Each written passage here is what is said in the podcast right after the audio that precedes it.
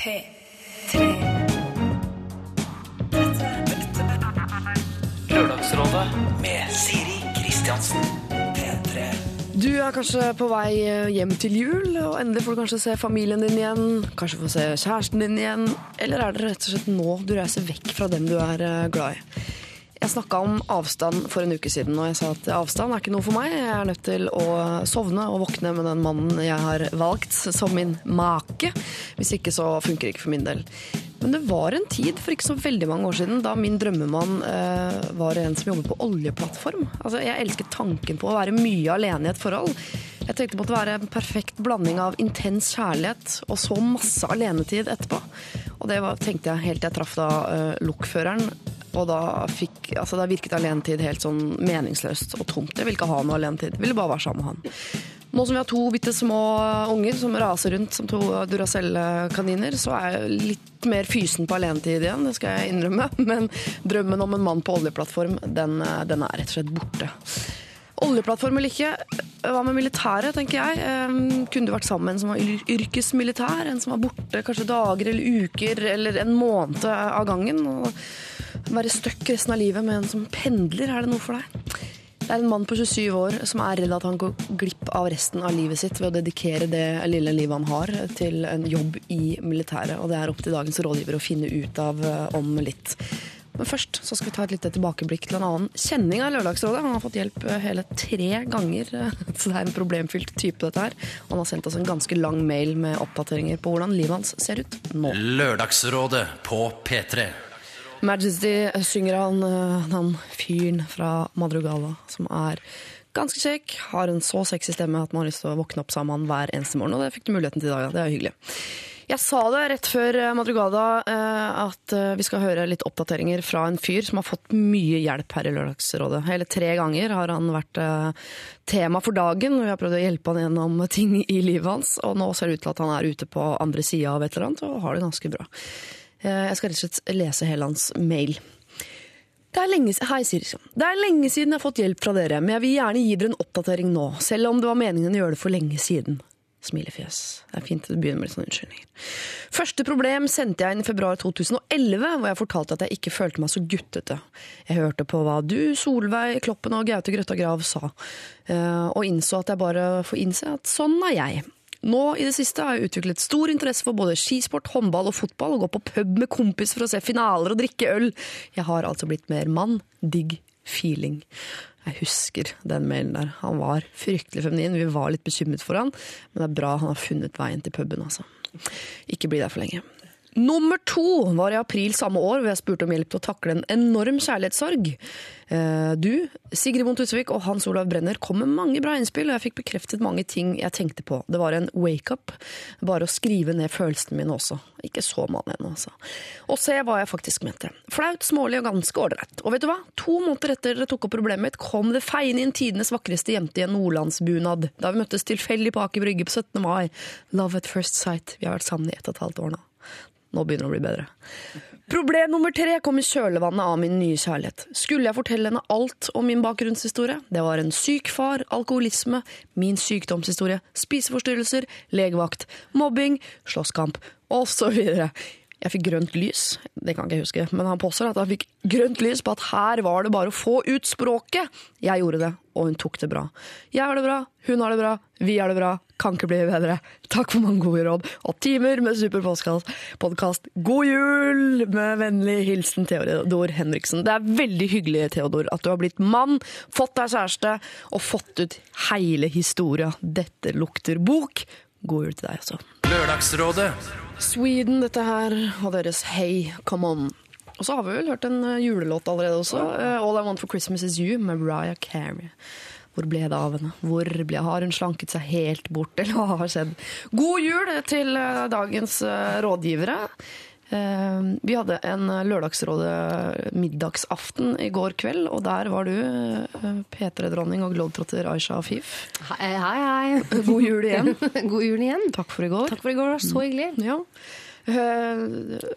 Veldig høy mann fylt til topplua av humor var også til stede under min Eller du kom litt rett etter desserten. Ja.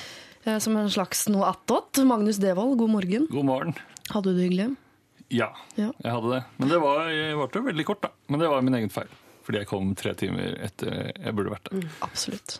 Absolutt. Du glimtet med ditt eh, fravær. Benedicte Wessel Holst, journalist tidligere i Mag, nå KK. Du har blitt voksen siden sist. Jeg vokste meg gjennom eh, bladporteføljen. Ja. Du var ikke med i går. Men Jeg var ikke med i går, men jeg, det var så trist. Jeg var invitert, da. Det må vi ha med. Ja da. Jeg var hjertelig, og det var godt å følge på. Men jeg ble tatt av julestria og multitasking, så jeg, jeg, jeg bare rakk ikke. Men dette rekker jeg. Dette rekker. Ja. Og det, det er nesten må jeg spørre dere om. Det er 22. desember i dag, og dere er her alle sammen og skal være her i tre timer. Og det, det, Deilig. Det har dere tid til. Absolutt. Ja. Jeg handlet eh, alle julegavene Eller alle, alt var på plass. Alle julegavene var innkjøpt i begynnelsen av november for min del. Oi! Oi. Men det var fordi jeg var på en ferie hvor jeg ikke hadde mye å gjøre. Så, Var ikke du 300 fetter og kusiner på Maldivene? jo, men de feirer jo ikke jul. De feirer Så- ikke jula. Å, det er så deilig at de har driti i det der nede. Hva med deg, Magnus? Jeg har ikke begynt. Nei. Jeg skal begynne litt i dag, og så tar jeg det meste i morgen. Er det, ja, for det er søndagsåpent eh, her i Ja, det regner jeg med. Det er sånn ungdomsstrategi. Det føler da er man ekte ungdom når det er sånn Jeg tar det i morgen, og så Er ikke det veldig Jeg er veldig ung, da. Ja, så er jeg ung. føler jeg kan gjøre det. ung, ung innstilling til livet? Og i tillegg er du mann. Ja. det er ikke så atypisk for menn, akkurat det der. Hvor mange gaver skal du kjøpe? Det er ikke så mange, altså.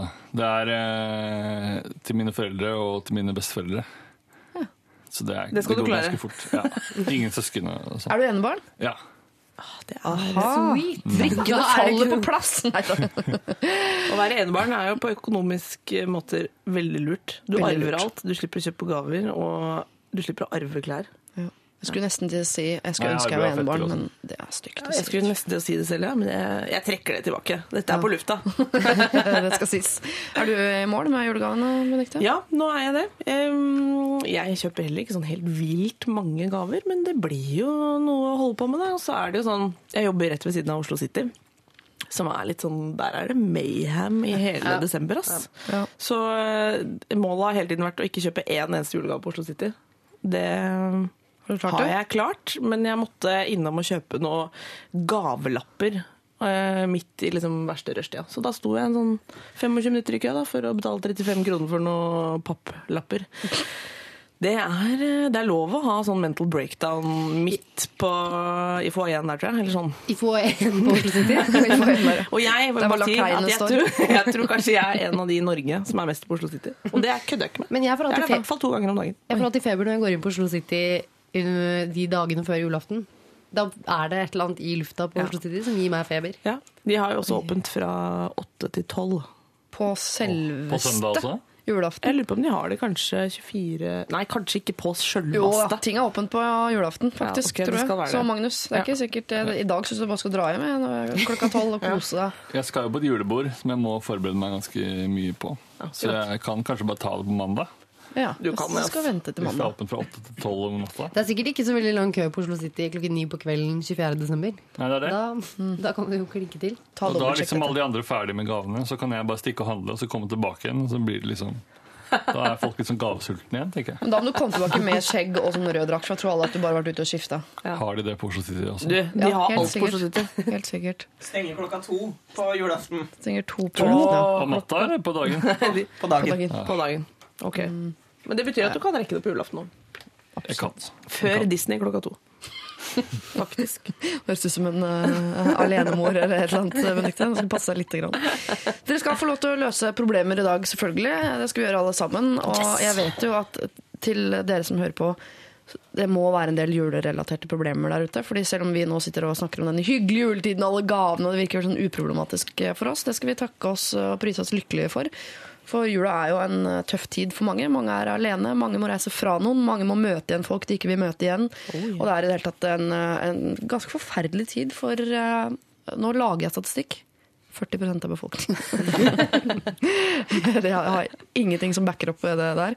Men la oss si ca. 40% Så dere 40 send gjerne inn mail og SMS til oss, så skal vi prøve å hjelpe dere gjennom julestria. Eller alfakrøll nrk.no, eller da for Lørdagsrådet, altså. Eller så sender dere kodeord P3 til 1987, så skal vi se hva vi kan gjøre. Røske meg tilbake til tida da jeg jobbet i P3 Morgen. Den låta her, Kaiser Chiefs og Ruby, det er ei stykk gammel låt. Lørdagsrådet i dag består av eh, Magnus eh, Devold. Jeg kaller deg komiker. Er det Jeg innafor? liker ikke så godt å bli kalt det, men du kan si det likevel. Hva liker du da? Aff, jeg vet ikke. Fyr. Fyr. Fyr Magnus Devold. Journalist eh, Benedicte Wessel eh, Holst. Ja. Med utvidet ansvar, har jeg sett på bylinen din i, i KK. Det er bra. Ja. Og eh, kollega Aisha Afif.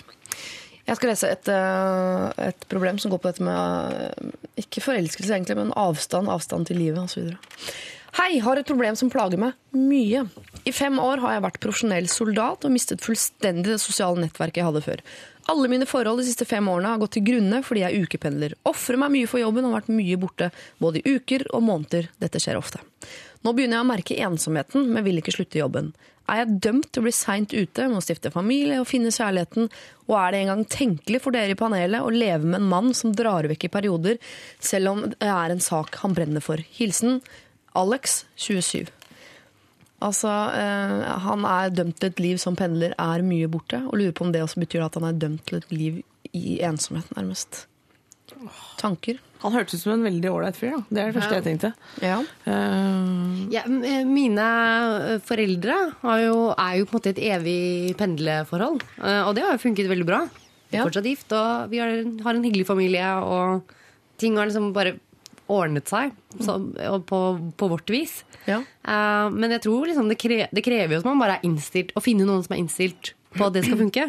ja. Og det er vel det som er eh, utfordringen her, da. Men når de traff hverandre, var de da en god periode på samme sted for å på en måte Det er jo for så vidt sant. Ja, det var det jo. De hadde jo ti år på Maldivene, hvor min far er fra, hvor de bodde sammen. Ja. Men så Så de rakk å bli liksom ordentlig Ti kjent før avstanden. det er, sånn, det, det er ti års bryllupsreise. Ja. Det, det er rart man etablerer god stemning. Det er en drøm. Da kommer hverdagen når du plutselig står i Sinsenkrysset noen år etterpå. Men øh, han er jo han er tydeligvis ikke kjæreste nå og er redd for ikke å få det. Fordi han er jo ikke lenge nok på ett sted til å kanskje bli så godt kjent med en dame at, at hun bestemmer seg for sånn Ja, den fyren her, han tar jeg. Men fins det, eh, det ikke noen damer i eh, hans jobbsfære som har liksom samme turnusordning, da? Eller samme liksom, opplegg? Det er masse damer i Forsvaret nå, er det ikke det? Ja, det føler jeg også. Jeg føler det har skjedd eh, bra å bruke føler på det. Men jeg innbiller meg i hvert fall at det har blitt At Forsvaret er blitt sånn mye, mye kulere enn det var. For å bruke det uttrykket. For jenter, eller generelt? Ja, nei, men sånn Føler det er så flinke folk og gutter og jenter og Det er liksom eh, Du kan ta utdannelse og Jeg vet ikke, jeg, jeg lar meg påvirke av de der eh, reklamekampanjene for sånn Ta utdannelsen i Forsvaret, så ser det ut som Den reklamekampanjen der har funka ganske bra. på en måte. Det ser bra ut. Ja. Og ser sånn Oi, disse er jo kule. Ikke sånn uh, Men da må du være sammen med en på jobben, og så er de da uh, dømt til å, å Tenk deg hvis de får forskjellige turnuser en gang. Altså, de er aldri på samme sted. Nei, men det går ikke. Hvis man Nei, først ikke. finner noen Altså, det må jo også de skjønne. eh, Hans ledere, da. Mm. Alle kan kjenne seg igjen i den. Ja. At ingen har lyst til å være borte fra Barth. Eidem og Vi er jo et, en oljenasjon, da. Det er jo et, et folk i turnus, si, sånn av og på. Eh, Ja, og Forsvaret er jo et eksempel. Mange leger jobber sånn. Eh, Egentlig veldig mange stillinger innebærer Pendling. turnus og Ja. pendling. Så det er ikke så uvanlig. Men eh, et element som kanskje kommer i tillegg til det her, er jo at han, for alt jeg vet, er sånn hvis han er i utlandet, altså er han en sånn som har vært i Afghanistan f.eks., så får du jo det i tillegg. At det er sånn du er redd for at han skal dø eh, hver fjerde uke. Det er jo ekstra slitsomt. Ja. Mer enn at han bare er borte. Men eh, Sånn er det for politikoner og brannmennkoner. Og, det er sant, det. Ja. Men han må men, Han lurer på om han er dømt til et liv i ensomhet. Det tror jeg ikke han er. Men han er nok dømt til å finne en som har forståelse for hans ja, situasjon. Og det kan ta litt tid. Eller en annen som har en slags pendelaktig Ja. jobb, som kan pendle og være borte og hjemme samtidig. Men spørsmålet er jo om han trives med den ordningen. Eh, om han liker at det er sånn OK, nå får jeg en liten pause, og så fokuserer jeg bare på jobben, og så er det liksom kjærlighetstid når jeg kommer hjem. Eh, for det må han også finne ut av, om det er noe for han.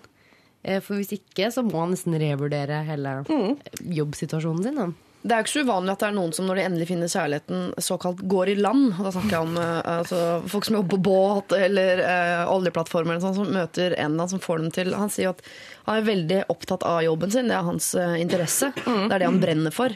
Men det kan jo være at han en dag treffer en dame som er sånn Jeg kan ikke være så mye borte fra deg. Eller den dagen han får seg Han snakker om å stifte familie også, at han får barn. Så tenker han jeg kan ikke være så mye borte. Jeg må finne meg en kontorjobb. Ja. Men Forsvaret er jo en veldig sånn etablert institusjon. De har, eh, dette er de, vet de hva handler om. De har jo masse, mange ansatte som er i samme situasjon. Jeg vil jo tro at de har muligheter for noen sånne dette, Sånn er stillingen da, og så kanskje man etter hvert går over i noe Ja. annet. Og, altså, det er jo mm, mange familier hvor en eller to foreldre er i Forsvaret. Jeg, går det ikke an å flekse litt her? Men man må finne en partner, det er et grusomt Ja. ord å bruke, men som er villig til å ofre ganske mye av sitt liv og, sitt liv og tid for at uh, den man er sammen med, skal få holde på med sitt. Da. Ja. Men jeg føler det koker jo egentlig bare ned til at han bare må finne seg Først må han bare finne seg en kjæreste, og så må man liksom sortere og Det er godt mulig at interessen hans vil flytte seg litt over fra jobb til å være på et sted, Ja. hvis han får noen å ville være på et sted for.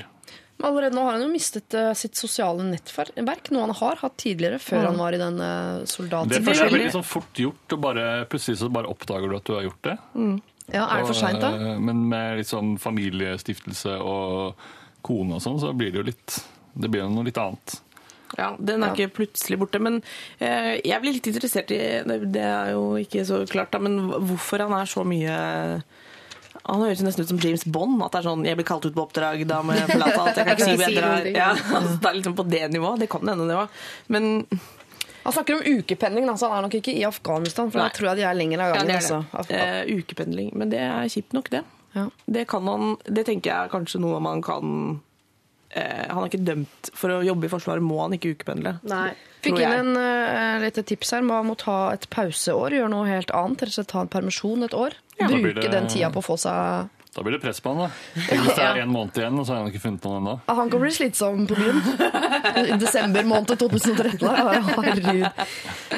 Ja, men det han jo egentlig spør om sånn til syvende og sist her, er eh, panelet. Er det tenkelig for dere å leve med en mann som drar vekk i perioder, selv om det er en sak han brenner for?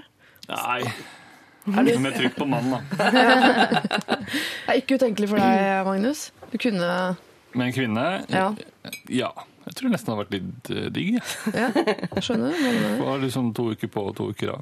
ja, det blir Jeg- veldig intenst og Altså Ja, Bare men kjærligheten ja. ser jeg når barn kommer inn i bildet. Så er jeg blitt irritert sånn Jeg stikker på jobben i to uker, jeg. Ok. Jeg tar den hentinga og leveringa og Men det er jo, men det er jo altså sånn, jeg er jo vokst opp med den ordningen, Ja. eh, og det har jo funket for mine foreldre. Det kan gå an, da. Du har til og med tatt i bruk samme ordning eh, selv. Omtrent. Jeg har jo vært i et avstandsforhold veldig lenge nå. Når det det er sagt, da. Jeg vil ikke, jeg vil ikke anbefale Ikke fordi man kommer seg gjennom det, sånt, men det er utrolig dritt å være så langt fra kjæresten sin.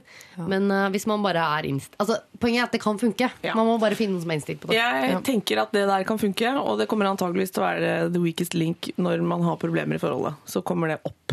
Eh, Det er sånn typisk at selvfølgelig kan det funke, men jeg tror alltid det vil være en utfordring. Altså sånn, Alle forhold går opp og ned, og i de down-periodene så vil det kanskje komme opp som sånn Åh, det går ikke at vi har denne ordningen. Nå drar du igjen! Ja. Den kommer du til å få i Eh, fleisen. Det kan fort innimellom. bli tema, men eh, selvfølgelig er det muligheter. Så blir det jo altså, galskapssex i oppgangen da, når den kommer tilbake. ikke sant? Ja, Det er rått, da. Men det må, finne seg, man, man må finne seg kjæreste først, da. Absolutt. Ja. Og ta det derfra. Eller f- finn deg en eh, De er pretty hot, de damene som jobber uh, i Forsvaret òg. Mm. Så jeg hadde tatt uh, Hvis det er lov, så altså en liten beta Mm. uh, internt på huset. Så må det også være lov å åpne opp de øya der. Lykke til! Vi har plass til mange flere problemer i Lørdagsrådet i dag, så send det gjerne inn. Altså. P3 kodeord og nummer er 1987. Eller så bruker du mail. LR for Lørdagsrådet. Alfakrøll nrk.no. Og det er jo, som du vet, gratis. Lørdagsrådet. Tika om sitt forhold til eh, Oslo, og også der eh, som undertekst sin kjærlighet til eh, Bergen. Jeg syns jeg aner i den låta der. Jeg fikk inn en melding på Oppsalongen da vi spilte den, hvor det var noen, hvor det var noen som åpenbart var fra Oslo, Ja. som sa Slutt å spille den Jeg blir låta provosert selv. Ja, som var sånn, Til hun bygdekjerringa som disser byen min. Du, eh, man, Det er jo lov å sparke oppover, og som hovedstad så er vi nødt til å kunne ta imot litt dritt. Det finnes nok av sanger der ute, takk Carpe Diem blant annet til dere for det, eh, som sier hyggelige ting om Oslo også. Og det må være lov å elske i Bergen, for jeg tror, eh, som homofile sier om homofili, hvis du har prøvd, prøvd det bare over en viss periode, så elsker du det. Klart han kan finne seg en dame. Det finnes jo også som syns at kjærligheten man opplever når man er sammen, overstyrer de periodene man er fra hverandre. Dette kommer til å gå helt fint. Hilsen I. En liten kommentar til eh, vår yrkessoldat, som var usikker på om han kom til å klare å stifte seg familie noen gang eh, i det livet han lever, som pendler mellom krig og kjærlighet. Jeg føler det hjelper veldig at han er yrkessoldat. Det er veldig sånn sexy å si sånn Kommer jeg til å finne kjærligheten? Jeg er en mann som er styrt av plikt og kjærlighet til fedrelandet. Kommer jeg til å være alene hele livet? Jeg tenker sånn, Nei, du høres ut som hovedrollen i en amerikansk film. Du kommer til å finne en dame, liksom. Slutt å stille spørsmål, begynne å gi ordre, tenker jeg. Hvis du ja. går bort til en dame og sier sånn 'kle av deg, klærne', så er det jo ganske mange som tenker ok, ja, ja. Ok, eh, jeg vet at eh, Magnus, nå er det mulig at du kommer til å sitte og eh, himle mye med øynene de neste tre minuttene. Men vi skal nemlig snart ta for oss et, et problem fra en dame som skal gifte seg, og er usikker på i hvor stor grad svigers skal få lov til å ha en finger med i spillet. Og vi sitter altså i et rom nå. Et rom som virker trangere og trangere, spør du meg. Med to damer som skal gifte seg til sommeren. Både Benedicte Wesselås, gratulerer, og Aisha Afif, gratulerer. Så dere må bare få tømt dere litt nå. Før, for jeg, jeg tenker Hvis vi slipper dere løs samtidig som vi skal gi råd til den dama, så blir det mye sånn så får ikke hun den oppmerksomheten hun fortjener. Da. Det er sant. Så Da Kan kan jeg bare komme inn og gi korte og konsise råd Ikke sant? innimellom. innimellom. Men derfor må dere få lov til å tømme dere litt på bryllupsgreiene ennå. La meg stille noen spørsmål, da. Har dere kjøpt kjole? Ja. Skal dere svare kort og konsist? Ja, men, uh, ja. Jeg, det var noe av det første jeg gjorde. Ja. Eh, omtrent før jeg uh, sa ja til bryet, så var jeg allerede online og browset bryllupskjoler. Vil gifte deg? Vent litt! Jeg er inne på nelly.com. Ja, er det lov å få lite hint om hva slags kjole det er? Eller er Eh, ja, av type hvit? Den er, eh, den er veldig moderne. Eggshell. Eh, den er, ja, ja, den er kanskje litt sånn eggshell-ish. Eh, Er det, eh, brud, er det, far, Nei, snakker det er farge. farge? farge. Farge. Den, men den Å nei, jeg vil liksom ikke Jeg vil holde det litt hemmelig. Ja, det er koselig. Ja. Men, jeg, eh, jeg, er helt uhemmelig, jeg. Ja. Å, du er helt uhemmelig? Jeg har vist eh, brudekjolen til kjæresten min, jeg. jeg jo, har du den? Og til Siri, faktisk. jeg har kjøpt en Det er også lange ermer, kort kjole. Den er hvit. Føler at den er litt Er den kort? Hvor kort er den? ja, Ganske kort. Litt sånn sløtt, uh, sløttekort.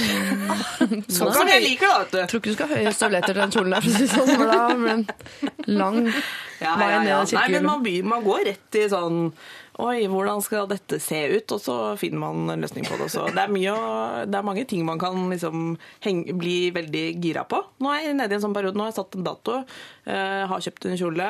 Føler jeg liksom Ja. Nå tenker jeg ikke så mye på det, men det er jo mye som skal organiseres. Og det er sikkert der sviger eh, kommer inn. Ja, men. Sitter dere og planer, Koser dere med planlegging på egen hånd, eller lar dere foreldre svigerforeldre få sine uh, fettpølsefingre med i planlegginga? Jeg har kanskje planlagt mest uh, på egen hånd.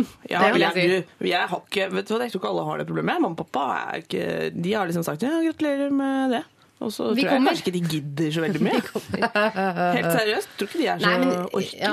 Nei, ja, men jeg, har- jeg har nok involvert uh, foreldrene mye, mye, mine mye mer. Eller sånn, Ja. Og søstrene. Vi er liksom, sitter og snakker om bryllupet uh, rundt Ja, det er hele koselig. tiden. Ja, det er, Og Magnus, når du skal gifte deg en, en vakker dag, om ikke altfor lenge, håper jeg Ett år. Et år, ja. Det er sporty, det er sporty innstilling. Er du sånn som overlater alt til kona, da, eller har du lyst til å ha en finger med i spillet? Eh, jeg tror eh, hvis jeg får en kone sånn som jeg kjenner koner, så kommer de til å nesten kreve at eh, de får ordne veldig mye selv. Ja. Er ikke det litt deilig? Så da, jo, så da tror jeg jeg skal la dem få gjøre mye av det. Men du kjøper egen dress? Ja. Ja. Jeg har en dress òg, som er Den lar vi henge i skapet. Okay. Ja, vi må kjøpe ny. Eh, vi skal altså eh, høre Black Eyes and Blue her nå, og så skal vi prøve å hjelpe Anonym, som er nylig forlovet og virker som er litt frustrert kanskje over Sigers. CLMD, det der. Black Eyes and Blue har vært spilt mye i 2012. Og hvis det er Er det Det er en bra låt òg, da. Ja, hva er andre og Nei, nest, nest, førsteplassen? da? nest er det kanskje. Nest mest ja. spilte. Hva er førsteplassen? Eh, og jeg husker ikke, Er det Lido Lido? Ja. Mm. Ja, hvem av dem? Hvem av dem? Ja, Turn Up The Life med Josef. Josef. Gratulerer, Lido Lido. Vi skal nå hjelpe et eh, par, eller kanskje kona, tipper jeg da, eh, fremtidige kona som har sendt inn eh, problemet. Det baserer jeg på kjønnsforskning. Hei! Er nylig forlovet og lurer på hvor mye man bør involvere foreldre og svigerforeldre i bryllupsplanleggingen. Dette kan fort bli litt diskusjoner, dette kan fort bli litt diskusjoner rundt. Fra min side og din side, min og din hjemmeplass osv. Og andre ting som foreldre kanskje er uenige om. Er det akseptert å planlegge alt selv, eller må foreldre involveres uansett? Hilsen anonym. Det kommer jo veldig an på hvem som betaler for bryllupet. Eller det kommer litt an på det, Ja. føler jeg. Ja, det er et godt innspill. For hvis Jeg tenkte i utgangspunktet bare De er jo gjester. Det er bare å lage din egen fest, og så er de invitert. Men kanskje de betaler noe. Ja. Hvis de betaler for er det vanlig? Nå skal jeg, etter denne sendingen skal jeg ringe mutter'n og si at det er vanlig. Det er vanlig, altså. Jeg vet ikke om det er, men det var i hvert fall veldig vanlig. Men det er jo i så fall dårlig deal for din familie, da, Er ikke det Benedikte. brudens Jo. Brudens far familie? skal Oh, ja, det er brudens, ja. Ja. Oh lord. Ja. Mitt forrige bryllup som eh, var i familien, det var jo med min søster. Og hun eh, var jo eh, lesbisk. Altså to bruder. Der tror jeg de kanskje splitta Og det er eh, sånn sett en jævlig god deal, sånn rent økonomisk. ja, Da. ja. Men spør, Sorry, mamma og pappa. Jeg var hetero. spør henne åssen de gjorde det, da. Om det var noe penger å hente. skal, det er mye jeg skal finne ut av, altså. Det er helt åpenbart. Ja. Men når det gjelder spørsmålet hennes, Ja. så vil jeg jo si at uh, det er jo hyggelig å, å ha en tanke Altså å si at eh, vi gleder oss til å gifte oss, og vi vil ha en sånn og sånn fest. Jeg tipper at, har en, at de har en del ideer om hva de vil ha selv, og det syns jeg man skal stå ved. Og så går det an å involvere dem i det du allerede har planlagt. Altså Ja. sånn, Vi ser for oss å ha sånn og sånn mat, og når gjestene kommer, så vil vi gjøre sånn og sånn. Har dere anledning til å hjelpe oss med det, f.eks.? Det er en fin måte å involvere på. Ja, men, det ja, fordi med mindre man er, er oppriktig interessert i å få innspill fra foreldrene sine eller svigerforeldrene sine på hvordan man vil ha det, så burde man ikke spørre. Eller sånn, Ja. Fordi hvis du spør, så får du svar, og Ja. da må du forholde deg til det. Da må man ta hensyn. Ja. Mm. Mens hvis det er sånn, vi har tenkt å ha en sånn kake, eh, kan ikke dere hjelpe oss å fikse Ja. ja, transporten av den kaken opp til bryllupsstedet? Ja, eller bake den, for alt jeg vet. Ja. Noen er jo på det nivået. Ja, Hvis dere er altså- trøndere, så er det jo ikke noe dårlig deal Altså, å det er så mye bakeskills der ute, Ja, så plutselig Trøndelag. har du noe kake på gang. Ja.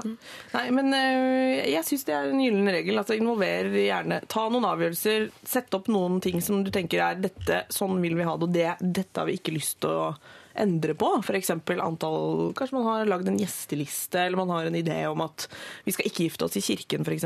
Vi skal gifte oss eh, På et. Ja. Så er jo det store avgjørelser som jeg tenker er De kan du ikke flikke på. Så må man jo vurdere liksom, om det er, Hvis det er innspill på bordkortdesign, så kan man jo kanskje Altså, Da er ikke det så farlig, kanskje. Det Skjønner er kanskje det er da man skal fire på krava, for Ja. det er vel eh, brudeparets dag. Det er de som først og fremst Åpenbart. skal være fornøyd, Ja. liksom. Ja. Ikke Ja. foreldre og svigerforeldre. Selvfølgelig.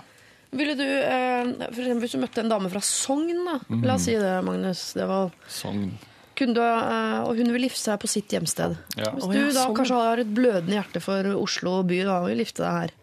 Hva er best da? Oslo, Sogn eller midt på? Akkurat når det gjelder Sogn, så tror jeg jeg ville gått for Sogn. Da Ja. kunne jeg akseptert det. Det er så vakkert, Men da hadde du lagt Ja. det til Hvis hun hadde vært fra kanskje Elverum, Ja. så hadde jeg nok eh, stått hardere i for å gifte meg i Oslo. Og en liten sånn romantisk viadukt i Nidelva der. Åh, Ikke det Nidelva, nei, hva heter? Ni, nei, heter nesten samme. Glomma? Nei. Nei, eller- Ni, det er en elv i Elverum som heter nesten samme som Nidelva. Ja, det kan okay. vi få inn en SMS på, tenker jeg. Ja, eh, P3 1987. Få- inn noe SMS på ja. Nei, men eh, akkurat dette med å planlegge, det er jo, dette er sånn veldig Jeg føler du kan google svigerforeldre, bryllup, så kommer du rett inn på babyforum eller kvinneguiden.no, så er det sånn masse tråder der som, hvor du kan bare hoppe rett inn i diskusjonene og se hva folk mener om det. For det er jo enormt med Problemstillinger. yes. Så hun er jo på ingen måte alene om å, å lure på dette her. Og det er vel strengt tatt ikke noe fasit på det heller. Men, Men eh, er det akseptert å planlegge alt selv, spør hun. Ja, men det er visst men det jeg- føler jeg. Det gjør ja, jeg. ja, og det gjør vi også. Det er jo altså, det er vår dag. Det kan ingen ta fra oss. Det er så bra. Hello, it's our day, our special day. Men, hvis dere sier da får dere ingen penger? Ja, det er det som er det vanskelige, da. Hvis det er, men samtidig så syns jeg du er litt kjip som eh, foreldre eller svigerforeldre som sier sånn Ja, vi vil gjerne betale, hjelpe dere med bryllupet, men da skal vi ha lilla duk Ja, og det liksom jeg at oransje Ja, ja, nei, jeg kan ikke se for meg Nei, Hva er det man mener så mye om? Er det sånn hva Jeg man tror det er spise gjester, og jeg vil ha grandtante Reidun. Ah, den er tricky. ja, men den må man, Der må man også bare Den mener jeg er en av de tre pilarene. Altså besti- besti- Kjole, gjester, location. Hvis ikke kan- foreldrene betaler for de gjestene de vil ha med. Oh, ja, Det men like, ja, der er den, Magnus. Den så jeg ikke komme. Sett på gjestelista. Nei, men sånn, jeg og pappa har kommet frem til at vi vil ha med disse, og så kommer de med sånn tolv stykker av Husker du naboene i Solveien? De var så hyggelige da Ja. du var lita. Ja, ikke, den, den er tricky. Nei, men jeg synes Der kan man på en måte ha, være litt mer å- Og det har jo vi også gjort. Eller jeg har, vist, jeg har laget eh, et utkast til gjesteliste. Og så har jeg vist det til mamma og pappa. Er det noen som, har jeg glemt noen folk som har vært kjempeviktige i livet mitt? Som jeg, ja. Også familie og så videre. Ja. Ja. Eh, og så kommer de med innspill, og så er det sånn Men jeg har siste på en måte, say på lista. Ja. Det er til slutt jeg som bestemmer. Ja. Kanskje vi skal gi det som råd? da. Åpne opp litt, litt sånn at de føler at de er med, men uh, ta Åpne snik unna som de du- store avgjørelsene. De har du, sånn som du sier sånn, Jeg har kjøpt kake, hvordan skal vi transportere den? Og så får, lar du de Ja, du må lure dem til å tro at det er de som Ja. uh, er med å ta avgjørelsen. Men egentlig så er det jo du som har gjort det hele tiden. Ellers må du gjøre sånn som sjefer ofte gjør på diverse arbeidsplasser rundt om i landet. hvor de, du har tatt avgjørelsen, men du later som nå åpner vi idémyldringsfasen, folkens. Og så lar du de idémyldre helt til de har Nevnt det du har bestemt deg for på forhånd. Så Sier Ja. sånn, Kjempeforslag, det går vi for. Ja. Det er jo ultrasmart. Det er veldig smart. Jeg hadde kjørt på det. Hadde gjort det samme selv. Ja, det, det, var, det jeg lurer på om jeg skal hjem og gjøre det samme samme Hold den tanken, sier jeg bare. Ja. Hold den tanken. Bra innspill. Oh, Bridezilla har fått fråtse her nå i noen uh, minutter. Uh, Magnus, vi skal en tur mye. til eh, Berlin uh, om bare noen strakser. Liten musikalsk pause først. Vi skal hjelpe A Gay Man in Berlin oh. etter The Cooks Ola. Lørdagsrådet. Kid Astray og The Mess hørte vi der før det The Cooks med deres Ola. Eh, Jeg har allerede sagt at vi skal en tur til eh, Berlin. Eh, Det inneholder eh, da selvfølgelig byen Berlin, en homofil mann, kjærlighetssorg og potensiell ny flamme. Han åpner med å si synd at jeg ikke rakk å sende inn problemet mitt i sendetida. Eh, Da snakker han om forrige lørdag. For jeg ville først og fremst bekrefte at Audun Lysbakken, han var gjest her forrige lørdag, da, er et homseikon. Vi snakket litt om, snakket litt om det, nemlig. Eh, I hvert fall blant lett venstrelente homoer. Kanskje mer den gang han pleide å sykle rundt på Tøyen i dress med kjettinglås over skuldra. Det skjer dessverre sjeldnere nå etter at han ble statsråd og partileder. Ja ja. Ja ja. Så over til problemet. Jeg sitter i leiligheten min i Berlin med et dilemma. Min kjæreste gjennom de siste seks årene har flyttet ut for en drøy måned siden. Nå har jeg møtt en skikkelig digg fyr som kommer på middag i kveld. Er det for tidlig? Han er lege og utrolig sexy, men han har også to barn med lesbiske mødre og mangler, som tyskere flest, humor. Jeg lurer på om jeg bare bør ligge med han og bli kvitt fascinasjonen, eller spille hard to get en stund, og så lure han til å gifte seg med meg. Det var mange spørsmål. Hva syns Lørdagsrådet? Og det er, helt, det er mange spørsmål eh, her. Jeg er litt usikker på hva som egentlig er problemet. Og det der med at tyskere ikke har humor, er Det selvfølgelig er et problem. men jeg tror vi skal prøve å svare på om er det for tidlig for denne mannen i Berlin etter Han har vært singel i en måned etter et seks års langt eh, samliv. Å eh, gå på date med en sexy lege. Nei, Det det er er, for Herregud, tidlig å gå det på høres date. ut ja. ja, det er perfekt. Ligger man i hvert fall. ja, det høres ut som akkurat det du skal gjøre. Ja, eh, alle tre med det. Du, ja. Ja, men jeg, Få han hjem, ligger man? ja, men jeg skjønner ikke jeg, jeg ser han for seg at han skal Han liksom, seg tvinge seg inn i et forhold som han egentlig ikke er interessert i. Hvor han har en sånn vond Eller jeg, jeg, jeg fikk sånn tvangsekteskapsstemning Nei, av han, hele følte, opplegget. han tenkte sånn Ok, han er veldig tiltrekkende, jeg har lyst til å ha sex med han. Og da går han rett i Jeg vet ikke om det er fordi han er homofil. At det liksom er litt sånn, han er jo litt jentete akkurat der. Hvor det er sånn Men er det for tidlig? Han har barn, og kanskje ikke Altså, han går rett inn i forholdet, han, etter den uh, flørten. Han tenker jo langt framover her, gjør han ikke det? Ja, for Egentlig trenger han bare å tenke på den middagen i kveld. Han trenger ikke Ja. å tenke så langt fram som Men det gjør man jo, ikke sant? Man tenker jo sånn, kanskje han er the one. Men jeg ble sånn tenk å ha, sex Ok, han er sikkert veldig hot og alt det der, men å ha sex med noen som ikke har noe humor, og som bare er sånn streit og alvorlig Tysk Ja, er sånn problemet her. dagen etterpå. Du, det at han ikke ikke har humor Ja, det er sant, det. Fader. Jeg har jo lurt på Jeg trodde jo tyskere kanskje hadde mer humor enn f.eks. italienere, som jeg tenker kanskje er Europas minst morsomme. Nei, de har bare ikke selvironi. Ja, de De har lagd sånn streken, liksom. Det, Er- er det er humor for dem. Tyskere er vel de er ironiløse. Er de det? Ja. De er italienere og sånn er vel mer sånn slapstick-aktig. Ja, for meg, sånn heller kake i fjes og sånn. Ja, Kakefjes kan jo være gøy, faktisk. Men Berlin, ja. ja. Uten humor. Ja, ja, det der er tricky. Det går an liksom å være sexy uten humor til en viss grad, og så bare da, Det er det. Han må finne ut om han kan leve uten den humoren etter eh, Men det er vel et hensyn til en eks opp dette her òg, som vi jo glemmer. Fordi jeg tror jo at denne eksen som nå de har vært fra hverandre i en drøy måned, han vil nok svare annerledes på dette spørsmålet. Ja, men at han det er for tidlig si. Men ja, at han går videre allerede nå. Jeg mener ekser ikke har noe å si på Nei.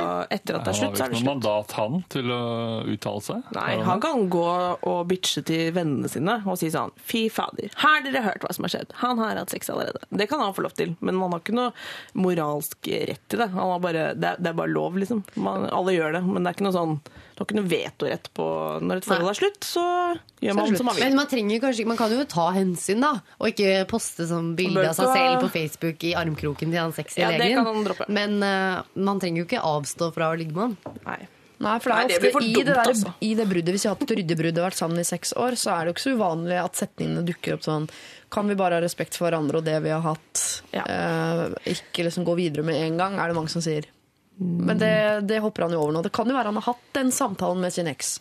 At de skal respektere kjærligheten som har vært, og vente litt med å Ja. gå videre. Skal han Men er det liksom å respektere kjærligheten? Vet ikke helt, jeg. Nei. Ja, men han har altså Eller det ble ja, sånn nytt for meg. si, han trenger jo ikke ringe til eksen sin dagen etterpå. Bare, Det ikke noe- bare ikke si noe. Altså, hvis han eksen finner ut mot all formodning, så bare Ja, men sorry, men det Da er er det vanlig liksom. kjipt, og det har ja. skjedd en milliard ganger før i menneskehetens historie. Han har sikkert man, gjort det, han eksen òg, tipper jeg. Tror du det? det Ja. hører med, liksom, tenker jeg. Ja. Det skjer, sånne ting skjer jo nesten Det skjer jo i forhold òg, herregud. Det er jo slutt, det der. Så det Det er, Man ligger med Berlin, humorløse herregud. Vet du hvor tyskere. de er i Berlin, eller? ja, det er veldig fristende. Det, er, det er bra han er i Berlin, da. Er ikke det Ja. rett og slett uh, homohovedstaden Ja, i det. hele Bare, Europa? ja, vi, det er som gays i Berlin. Ja. Jeg tror han eksen så kan hende han har, har fått seg noe. De kaller det clubbing der nede. Ja, de kaller det clubbing. Mm. Eh, en annen ting er, når det er så stort utvalg av gays som det er i Berlin, så kan det jo faktisk hende at han finner en eh, lege med humor og to barn eh, med en lesbisk, faktisk. Ja, eller skal vi si en sexy lege med humor uten barn? Ja, det- barna jeg med tror humor? Mm. alle mulighetene er der, rett og Ja. slett. Bor millioner av mennesker i Berlin. Mm. Men ligg med han i kveld, da! Få med deg han litt, få deg litt av rebound. Ja. Ja, og så ta en svømmetur i, i Twist-posen, som jo Berlin tydeligvis er uh, etterpå. Ja. Men uh, jeg vil bare uh, si at jeg syns, det er fint av deg å tenke, tenke litt på eksen, for det har bare Han gått en kommer til å tenke på eksen masse, men det er sånn, sånn er jo livet. Ja. Så eh, det er fint at du tenker på det, og ikke legge ut noen bilder av deg i armkroken Nei, på det er denne ikke lov. sexy legen. I hvert fall ikke hvis han er penere enn eksen din. Da må du i hvert fall ikke gjøre det. bildene. Altså, hvis du er veldig fornøyd med bildet av deg selv, så kan du Så kan det bare bli ditt hode bruke det som profilbilde. På en annen side, hvis eksen hans har eh, dumpet ham på en brutal måte, eh, Ja, vært ja, ja, ja. utro og slem, Da kan da er det legge bare ut post i bilde. vei. Lag Ja. et album. Ja, Da enig. hopper du bukk over Facebook og rett på YouTube. Få deg en da, er alt, da er alt lov. Eh, stemplet Lørdagsrådet.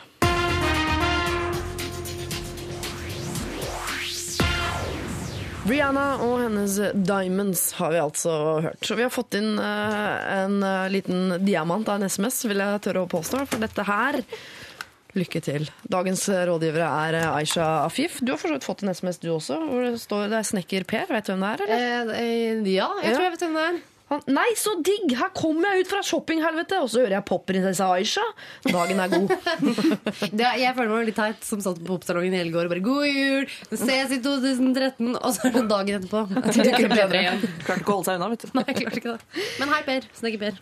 Det er hyggelig at du allerede bare ved å være her har løst noen problemer der ute. Nemlig at du har gjort eh, shoppinghelvete-dagen til eh, Snekker-Per litt bedre. Eh, tidligere Mag, nå KK-journalist med utvidet ansvar, eh, Benedicte Wessel eh, Hva var det du ville at du skulle forandre arbeidssitteren din til? Nei, det er bare Det er litt sånn corny med, med en sånn lang setning. Kan, Ja. ikke, kan ikke sette det på noe visittkort, da, vet du. I hvert fall ikke på en gravstøtte, si. Nei, i hvert fall ikke på en gravstøtte. Så få ordna på det før Ja, den tid. ja, ja, ja. Eh, og fyr. Magnus Devold. Ja. Her får alle ønskene sine oppfylt i dag. Det er så nærme jul. Men over til den SMS-en som har kommet inn, som jeg syns er uh, ei nøtt å knekke. Fikk en gave i går fra onkelen min. Jeg regner med at det er julegave det er snakk om. Problemet er at jeg sendte igjen pakken. Jeg ga den til han på bursdagen hans for en måned siden. Papiret var fortsatt på, men med ny klistrelapp. Så har han ikke utformet problemet, men jeg vil jo anta at skal han late som ingenting, eller skal han konfrontere sin onkel med dette? Men, men kan du bare si det en gang til? Jeg, han har fått Han har fått en julegave av onkelen sin, og den julegaven jeg har, ga han til onkelen Ja, i okay. ok. eh, bursdagsgave for en måned siden. ikke Han Men vi har har ikke ikke, tatt av papiret engang. Han vet hva som er inni. vi har ikke fått vite hva det er. Får vi vite hva det er? Nei. Er det noe skikkelig crap, liksom? Som han man tenker Hvor mye innsats er det han har lagt i å kjøpe gaven til onkelen? Mer enn onkelen vår som ikke har giddet å ta opp papiret for å se hva som er inni engang. Med mindre han har erfaring med at de siste ti årene har jeg fått marsipangris. Ja. Regifting. Men kan han være sikker på at det er Kanskje han har bare tenkt 'herregud, for en bra, for, så bra den julevispen jeg var, fikk av nevøen min var'. Jeg, må, jeg må gi julevisp til alle jeg kjenner til jul, fordi jeg har fått så mye bruk for den. Så han har gått til samme butikk, samme butikk. samme gavepapir. Ja. De har jo gidder ikke bytte ut gavepapir hele tiden Jeg- på den nei, ene og butikken. Jo, før jul må butikker bytte ut gavepapir. Det er en generell oppfordring til eh, industrien der ute. Jeg tipper at det er den gaven. Altså sånn, jeg er helt sikker på at hvis han kjenner en sånn Han kjenner den igjen. Den er ikke åpna, og det er retur. Men da må, da må du jo si det når du får den, og så åpner du den. Så, Jeg hadde ikke sagt en dritt, jeg. Nei, det hadde ikke jeg heller. Ja, men det Fordi jeg vet at jeg hadde Jeg tipper det er onkel. Det er ikke så, man legger ikke så mye sjel i gave til onkel. Vi, samme med ja, men det her er jo minussjel, liksom. Det, går, Det er dårlig karma. det er enda dårligere. Ja, men jeg tenker det er like greit. Har, har han liksom gått rundt i timevis og tenkt jeg skal ha den ene tingen som jeg vet kommer til å være perfekt for onkelen min, da er det kjempetrist. Da må han si fra. Hvis ikke Jeg tror ikke han har lagt så veldig mye i det. Nei. Gått inn på én sånn Klasse Olsen-aktig og funnet én ting til hver i familien. Tilfeldig utvalgt. Man får det videre. Det, Jo, Men men, det jeg er tenker, jo- Han har gitt bursdagsgave til onkelen sin. Hvor mange her i dette rommet kan uh, med hånden på hjertet si at de driver og gir bursdagsgave til onkler og tanter? det kan jeg ikke si. Det det nekter jeg å tro at det er noen her inne som gjør. Jeg henger meg på moren og faren min. Ja, men da tenker jeg at da har han jo egentlig, er han en veldig snill fyr med et godt forhold til onkelen sin, i og med at han går ut og kjøper en bursdagsgave Ja. til han, og tilbake får han. Ja. Til jul, ikke sant? Ja. Det Ja, men det, det er jo helt una... Det, det, I alle andre situasjoner så ville man sånn bare Hæ, det her er jo den gaven jeg ga deg. Ja, du tør å si det? Hvorfor skal man ikke si det til onkelen? Jo, det er kult hvis du gjør det. Eller i hvert fall si 'oi, det var akkurat samme som, eh, ja, akkurat kan samme som du fikk'. Oi, pussig. Eh, Den er jo helt veldig lik den jeg ga. Mm, ja. Men nå er det jo for seint. Nå er vi jo i en annen situasjon, for han har mottatt gaven og sagt takk og latet som ingenting. Kan han, det, han i, ja, kan han etterpå Men er Du, han kan gi den enda en gang. Det er gøy Ja, hvis den bare han går og går og går. Ingen tar opp papiret. Og jeg har et lite apropos på det. For eh, vi fikk eh, i familien, husker jeg en gang var litt morsomt, fra en nabo eller et eller annet sånt, så var det sånn Vær så god, god jul. Et, i, eh, i, um, det var ikke sånn veldig viktig gave, men det var en form for vertinnegave eller en sånn hilsen av noe slag. Så åpnet den opp, så var det et sånn barnepuslespill.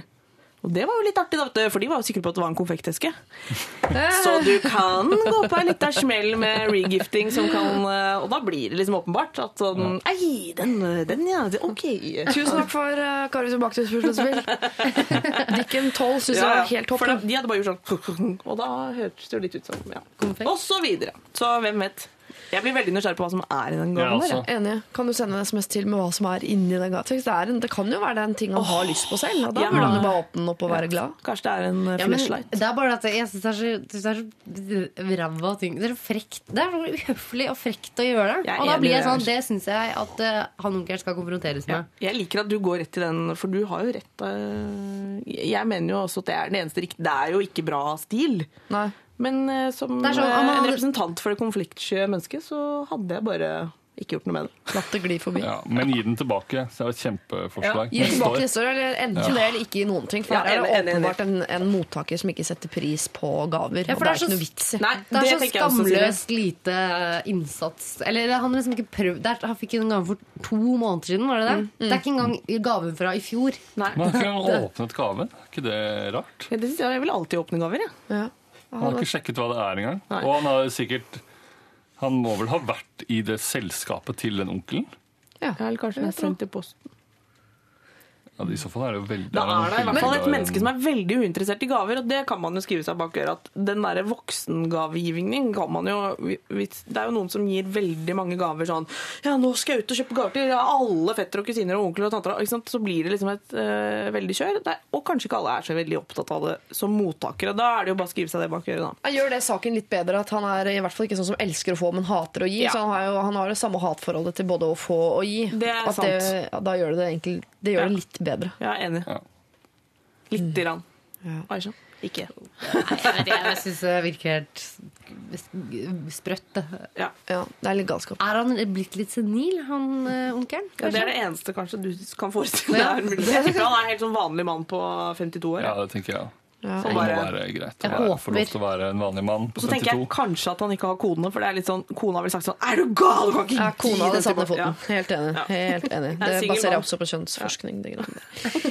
Eh, Jeg syns jeg hører at enten så må du konfrontere, men da burde du ha gjort det med en gang. Eh, Det vil Aisha i hvert fall, eller mener hun er det riktige å gjøre, det er vi helt enige i, men eh, som konfliktsky mennesker, som jo de fleste er, så enten gir du denne gaven tilbake neste år, eller så må du i hvert fall slutte å gi gaver til onkelen din. Ja.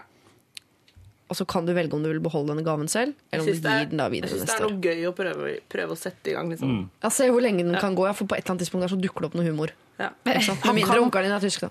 Med mindre han er tysk. Eh, Hvis du har et spørsmål til eh, rådgiverne, vi skal ta en runde med spørsmål til dere også, nemlig, så send gjerne det også inn. Og da bruker du kodeordet P3 og sender det til eh, 1987.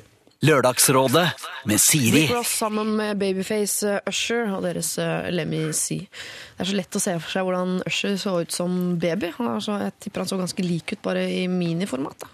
Det tror jeg også. Han har vel sånn, Jeg ser for meg gutten i Sånn bar overkropp med babyface. bleie, liksom. har noen sutrelepp og liten nese og Åh, ja, Babyface. Dere, Jeg sa at vi skulle stille noen spørsmål til dere. Jeg har fått inn spørsmål til alle tre. Både Aisha, Benedicte og Magnus. Oi, oi, oi. Jeg tror jeg skal begynne med Magnus. Mm. Det er en her eh, som lurer på eh, Kunne du falt for en lav dame? Hilsen fan på 1,63. Hva er det du sa? Einar?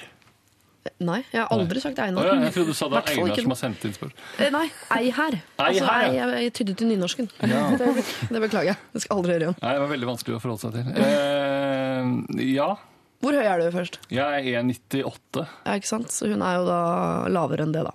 Absolutt. I høyeste grad eh, er hun det. Men eh, ja, ja. Gjort, gjort det før, kan jeg gjøre det igjen. Ja, og det funker. Eh, Og så er ja, sånn det- kose, bare det å gi en klem er jo sånn Det er jo en, en jobb for meg. Men eh, Å lene meg langt ned, bøye meg langt. Men eh, Hvilken teknikk bruker du? Bøyer du knæra, eller lener deg fram, eller løfter du opp? mm, Løfte opp er jo gøy, da. det er går koselig, Det ta tenker jeg. tak i dem Og det er drømmen. raske dem opp. Eh, nei, jeg pleier, å bøye, pleier å bøye eh, ryggen. Bøye ryggen, Lene ja. meg. Ja. Ja. Kan jeg ha tilleggsspørsmål? Ja. Eh, Hva er eh, altså 1,98? Hvor høy kunne du falt for? Hvor lav, mener du? Nei, for det det er- går jo en grense på høyde òg, vet du. Det gjør det. Jeg så jeg var i, i New York Har du noen gang møtt en dame som nærmest Og der ja. så jeg, nå fikk jeg skryt av at jeg var i New York også, Ja. eh, men der så jeg en dame som var høyere enn meg. Og jeg ble så satt ut at jeg Var det Cecilia Brekkhus? Gå- Nei, hun, er- hun er ikke høyere enn meg. Er det sånn? Men hun er også ganske høy. Men, eh, men der var det en dame som var sikkert 2,05. Er du sikker på at det var en ekte dame, ikke bare en mann i dameklær? 100% ekte dame, for hun hadde veldig trange plagg. Oi. Hadde hun ikke- høye sko? Det hadde hun kanskje. Det hadde hun også, ja. Ja. Men hun var nok høy. Men hun høy. var enorm. Ja. Hun var et hode høyere enn meg eller noe. Helt spinnvilt. Måtte, jeg måtte gå ut av den butikken jeg var i, og bare stå utenfor og vente til hun var ferdig. Jeg. For jeg klarte ikke å Men er det verdt, for jeg vet at det er mange eh, Hvis gutter er veldig lave, så syns jeg det er helt krise å være sammen med en dame som er høy. ja. Kunne du vært, altså, er det eh, verre å være sammen med en som er høyere enn deg enn en som er lavere enn deg?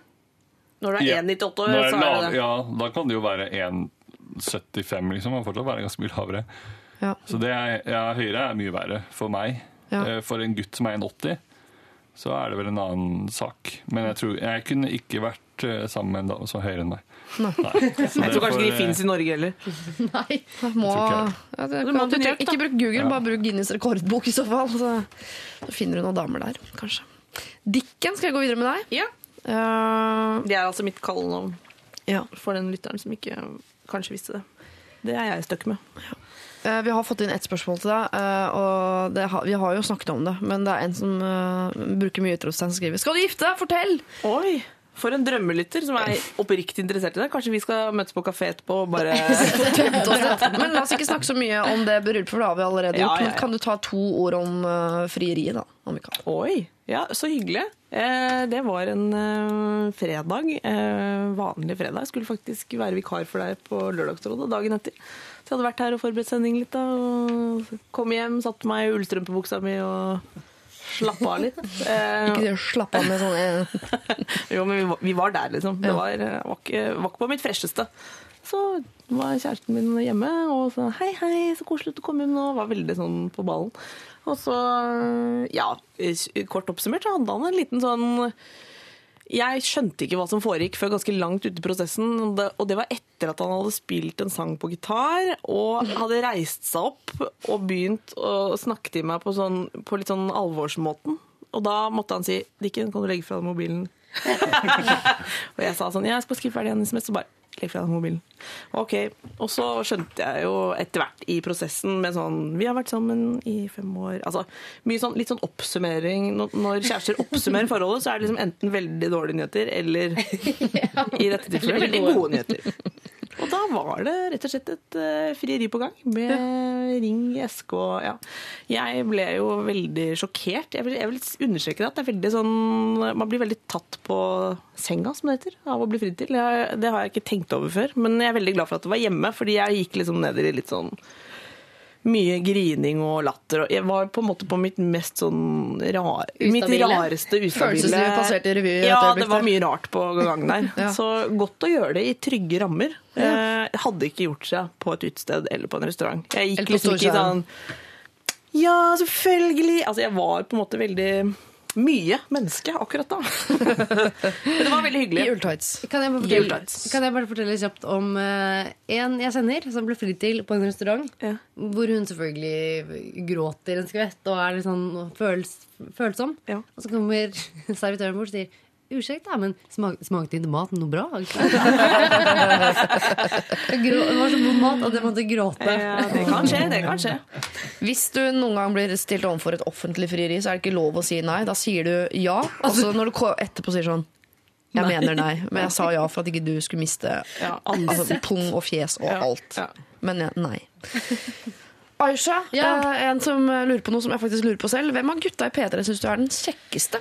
Hvem av gutta i P... Å, herregud, nå husker jeg ikke Men det, jeg må si at uh, de jobber ikke i P3. Men det har vært noen veldig kjekke postmenn som har vært og på NRK her for tiden. Mm. Og hadde du perve på menn i uniform, du. Eh, Den postuniformen er, Ja, for den er jo veldig fin. toit over Nei, men uh, Jeg det- tror man er på jakt etter en profil, en noen ja, som noen ja, jeg hvem er. skjønner. Eh, herregud, hvorfor nå husker jeg Nå blacka jeg helt ut på folk som jobber i, i Du har Tore, Bjartemann, Steinar, du har. Ronny, Yngve Hustad Reite, eh, du har Jonas Tomter Jeremiassen. Eh, vi har NRS-gutta. Ja. Eh, vi har Ken. Ken, ja. Torkil har vi. Ja, kanskje Ja, kanskje Torkil. Torkil Risan. Ja. Torkil Risan er ganske kjekk, syns jeg. Ja. Um, men Han ligner på han som spiller hovedrollen i Ratatouille, som ligner, jo er en tegnefilm. vet du, han Det er min yndlingsfilm. han ligner på Nadal, tennisspiller. Sant. Eh, også. Så Torkil Risan. Ja, ja, Ali på nett er ganske kjekk. Alle som hører på, tenker sånn Ali, ja, selvfølgelig, på nett. Vi går for Torkil. Ja, går for Torkil. Ja, vi går for Torkel. Eh, hyggelig å vite, Torkel, hvis du hører på. Veldig hyggelig for deg å høre det, da, sånn rett før uh, jul. Vi skal løse dine problemer i hvert øyeblikk på andre siden av Red Hot Chili Peppers og deres Under the Bridge. Så uh, fortsett å sende inn på mail, gjerne. LR, alfakrøll, nrk.no. Eller da med kodeord P3 til 1987. Lørdagsrådet. Carpe Diem og deres her, før det Red Hot Chili Peppers Under the Bridge. Sitter i Lørdagsrådet i dag sammen eh, med P3-kollega Aisha Afif. Hallo! Alltid vakkert antrukket. Takk. Du er flink til å sminke deg. Syns du det? Ja, jeg syns det. Du ser alltid Men jeg syns jeg så ekstremt ut. rass ut på det bildet som ble lagt ut fra ja, men jeg syns du alltid. Du er en sånn jente som er sånn Nei, det var et stygt bilde, ta nytt. Og så er det ingen som ser forskjell på bildet hvordan det ser ut i virkeligheten. Å nei! Jeg har ikke sett bildet, så det er litt farlig å si, men jeg regner med ja, at det er fint Ja, det er er litt farlig å si. Det var ikke så fint. Det var ikke så fint, nei. nei. Nei, nei. Men får bare tro meg, da, kjære lyttere, når jeg sier at, eh, at hun ser photoshoppet ut i virkeligheten. Eh, Benedicte Wesselholst, som jo er min eh, Lørdagsrådet-vikar de gangene jeg drar til Syden og gjør andre ting som er koselig å drive med. Ja, det er mine to favoritting å gjøre. er Å bade eller føde. Det er stort sett det jeg driver med. Eh, og Magnus Devold, som eh, for tiden driver og Er det, er det hemmelig? Nei, spiller. Lager en eh, reise Jeg regner med det er noe humor, eh, humor og reiserelatert for VGTV. Vi får se. Ja. Akkurat kommet den hjem fra eh, Afrika. Mm. Ja. Hva, hvor kommer humoren inn i bildet? Intervjuer du dyr, eller hva? oh, det skulle jeg ønske. Jeg fikk, ikke gå, jeg fikk ikke lov til å gå ut av safaribilen, Nei. så da måtte jeg intervjue mennesker i stedet. Ja. Men uh, vi får se om det blir gøy. Kanskje det blir det. Kanskje det blir kjempedårlig. På VGTV, som jo er det nye TV Norge. På en måte. Kan man si. Ja, det kan man si. Fått inn et veldig morsomt eh, problem eh, på eh, mail fra en fyr som ikke vil at vi skal si navnet hans høyt. Og det kan jeg jo forstå, og det vil dere også forstå hvert øyeblikk. Kan du bare si det til oss sånn nå? Ja, selvfølgelig etterpå skal jeg gjøre det. Ja. Telefonnummeret skal dere få. Hei! Siden dere snakket om pinlige ting med ekser, prikk, prikk, prikk. Min eks sender meg julekort hvert eneste år med bilder av sine to barn.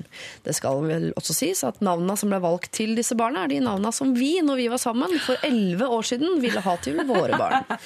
Min nåværende samboer syns jo ikke det er så fantastisk gøy. Jeg har ikke snakket med min eks på mange år, og siden jeg er eh, av det eh, mannlige kjønn, så har jeg heller ingen planer om å stikke hånden inn i det bjørnehiet. La fortiden ligge, og gled deg over fremtiden. Det kan jo ikke gå galt. Ha-ha-ha! Det er jo tross alt jul om to dager.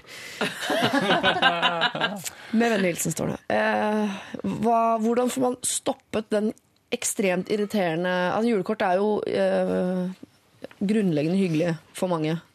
Men akkurat her tenker jeg at de, vi må stoppe de julekorta. Stopp julekorta! Hvordan? Bare, si. Bare si at det, det ikke, du trenger ikke sende julekort til meg lenger. Og Kan vi ikke stikke hånda inn, Bjørn? Vi ikke snakke med henne. Orker ikke. Men altså, om det kommer liksom Kast det når du får det. et kort i posten en gang i året, er ikke det litt sånn uh, humorisme, nesten? At, Jo. eh, Han sender sikkert det til i hvert fall 100 mennesker. ja, altså, nei, det er en kvinne som, kvinnelig kvinne som sender, eh, som ja. sender Ja, hun kort. Ja. Uh, men hun Kanskje Men hvorfor gjør hun det? Er det lov å ta Ja, en jo. Det er sånn derre Se hvor bitch jeg er som stjal vårt babynavn.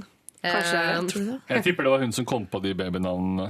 Antakeligvis. At eh, hun, det er hennes babynavn Ja. som han bare tenker at Hun har blitt til uh, deres. Men egentlig var det hun som bestemte ja, Hvis vi får barn, så skal vi kalle dem det og det. Ja. Og så har han bare tenkt å ja, ok. Og så, da er det våre babynavn. Det er ofte sånn 'Å, det er vår låt', og så er det hennes favorittlåt. Ja. Ikke sant. Og den tar man med seg videre. Nei, men Han kan jo prøve å sjekke hva som skjer om det fortsetter med kort.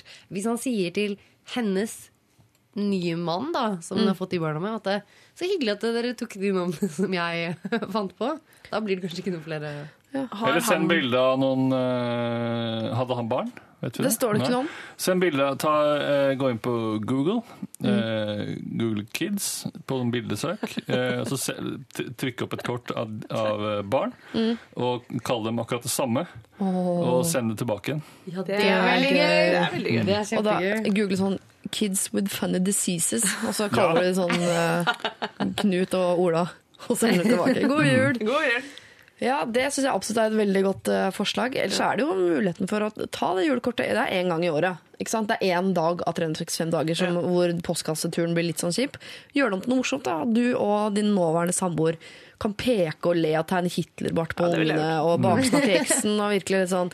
Du kan jo benytte julekortet til sånn åh, hun var grusom, jeg er glad jeg er sammen med deg. Du er jo tusen ganger bedre menneske. Og Ja, ja, at hun i det hele tatt har fått barn, er en skandale for samfunnet. Og, altså, kan virkelig Men liksom, veldig fine navn på vi barna, da. elsker gutter. Vi elsker når dere baksnakker heksen. Hva Ja, med en sånn coming. liten regifting akkurat her, da? Altså, rett og slett bare putte kortet oppi og sende det i retur? Altså, det, Med er jo, på ungene. ja, det er jo uansett Da, da skjønner du tegninga. Ja, men jeg skjønner konseptet. At, det er som at han opplever det som eh, invadering. Og han vil ikke ha noe mer med henne å gjøre. Og I hvert fall ikke de ekle ungene. Og så får han det kortet, kommer i posten Plutselig Han blir minnet på en gang i året at de eksisterer. Ja. Og hun liksom trenger seg inn i julefeiringa til han fyren. Hun, tror- ja, men hun tror sikkert at hun er the bigger person. Tror du ikke? At hun liksom bare Nei. Jeg sender selvfølgelig julekort til Jan André. Han fortjener det.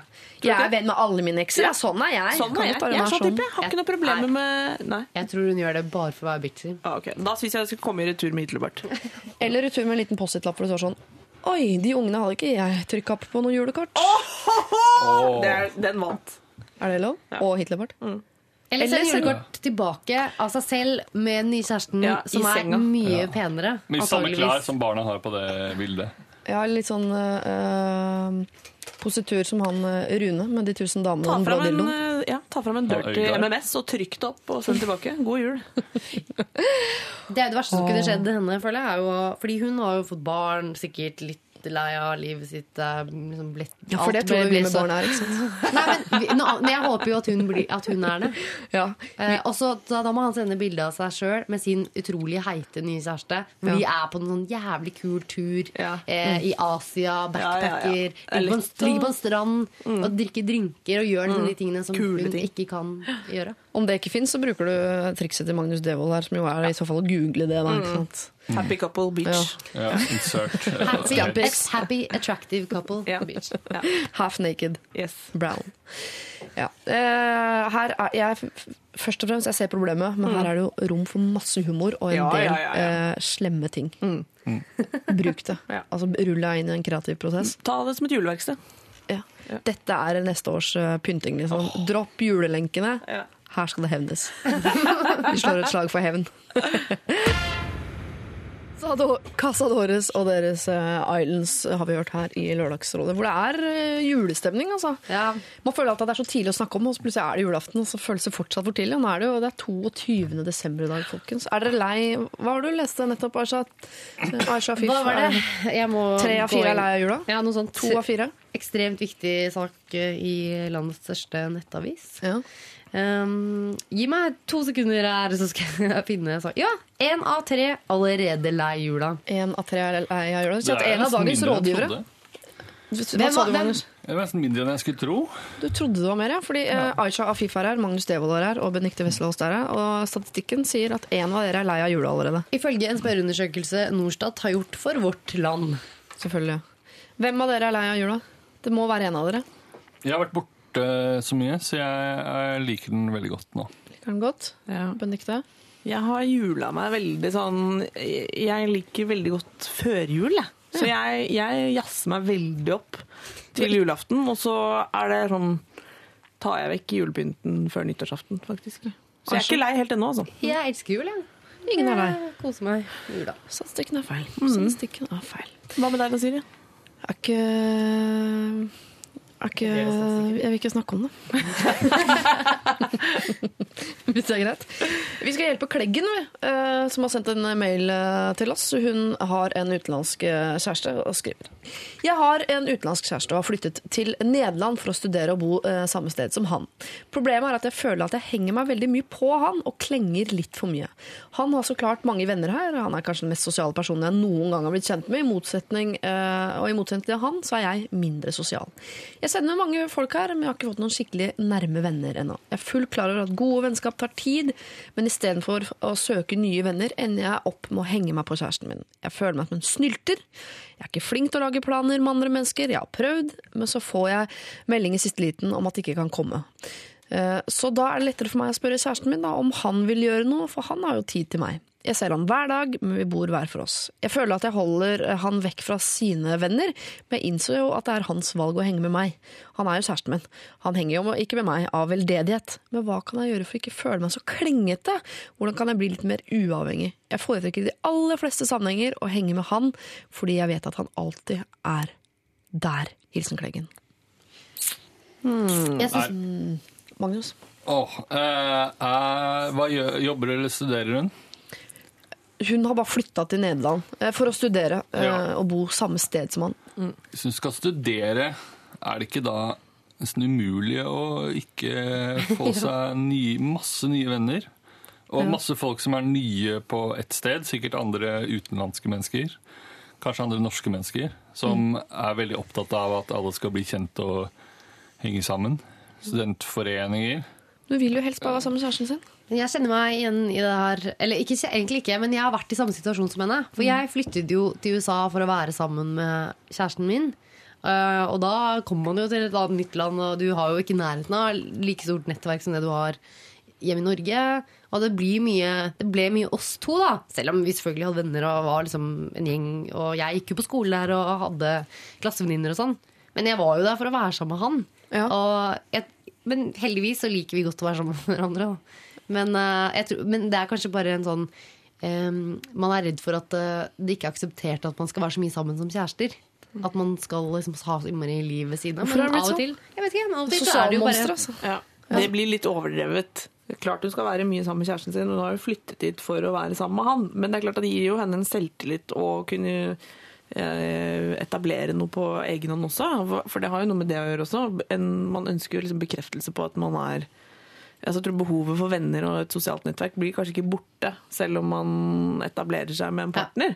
Så det er tydelig at hun søker eh, det bare for å på en måte få noe input og føle seg litt rett og slett føle seg litt kulere. Altså at man hun er Men for de, Men de de bor jo ikke sammen engang. Er ikke det, Nei, det gjør Unnskyld, det er en helt annen greie, men eh, det er også litt rart å flytte til Nederland sammen med kjæresten sin, men til en annen leilighet i Nederland. Synes jeg bare er litt rart. Ja, Men det er ikke det det du spør om kanskje- eh, råd på, ja. men det syns jeg er litt rart, da, Ja. Men, Men det kan kanskje- dere ta en runde på. Men kanskje man bare burde eh, god akseptere at det er For det er alltid litt unntakstilstand når man bor i et annet land. Eh, og da har man ikke like mange venner som når man har i hjemlandet sitt. Men jeg, får ikke sånn blir av det av og til. jeg får ikke inntrykk av at han syns at hun er klegg. Eller noe sånt. Det er jo hun som selv sitter og føler at hun er sånn klengete. Og sånn er det jo, eh, Hvis man tenker seg en uh, fredag kveld, for eksempel, så kan det jo være deilig å være helt alene hvis man har valgt det selv. Hvis man er helt alene en fredag kveld fordi uh, man har ikke noe annet valg, så kan man bli litt sånn despo der man, eh, der man sitter.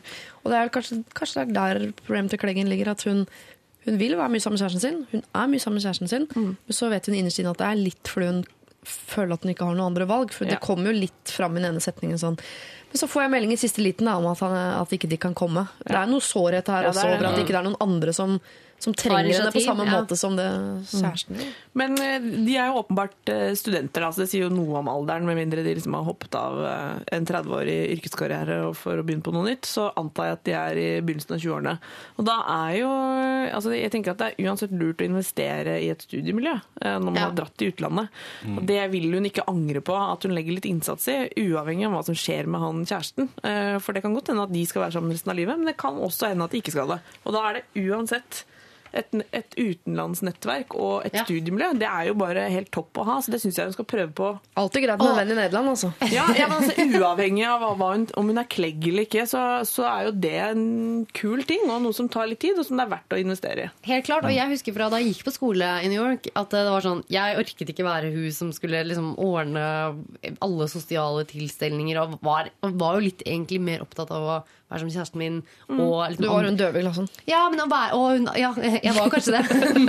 men å være som andre venner, da. Jeg var ikke så opptatt av å Men samtidig så satte jeg så innmari Det var så utrolig hyggelig når noen gadd å lage en eller annen felles tilstelning. Ja. Så Ja, for du kom hun- på det. Da kom du dit. Ja, liksom. ja, og da var det alltid mye mer hyggelig enn det jeg hadde trodd.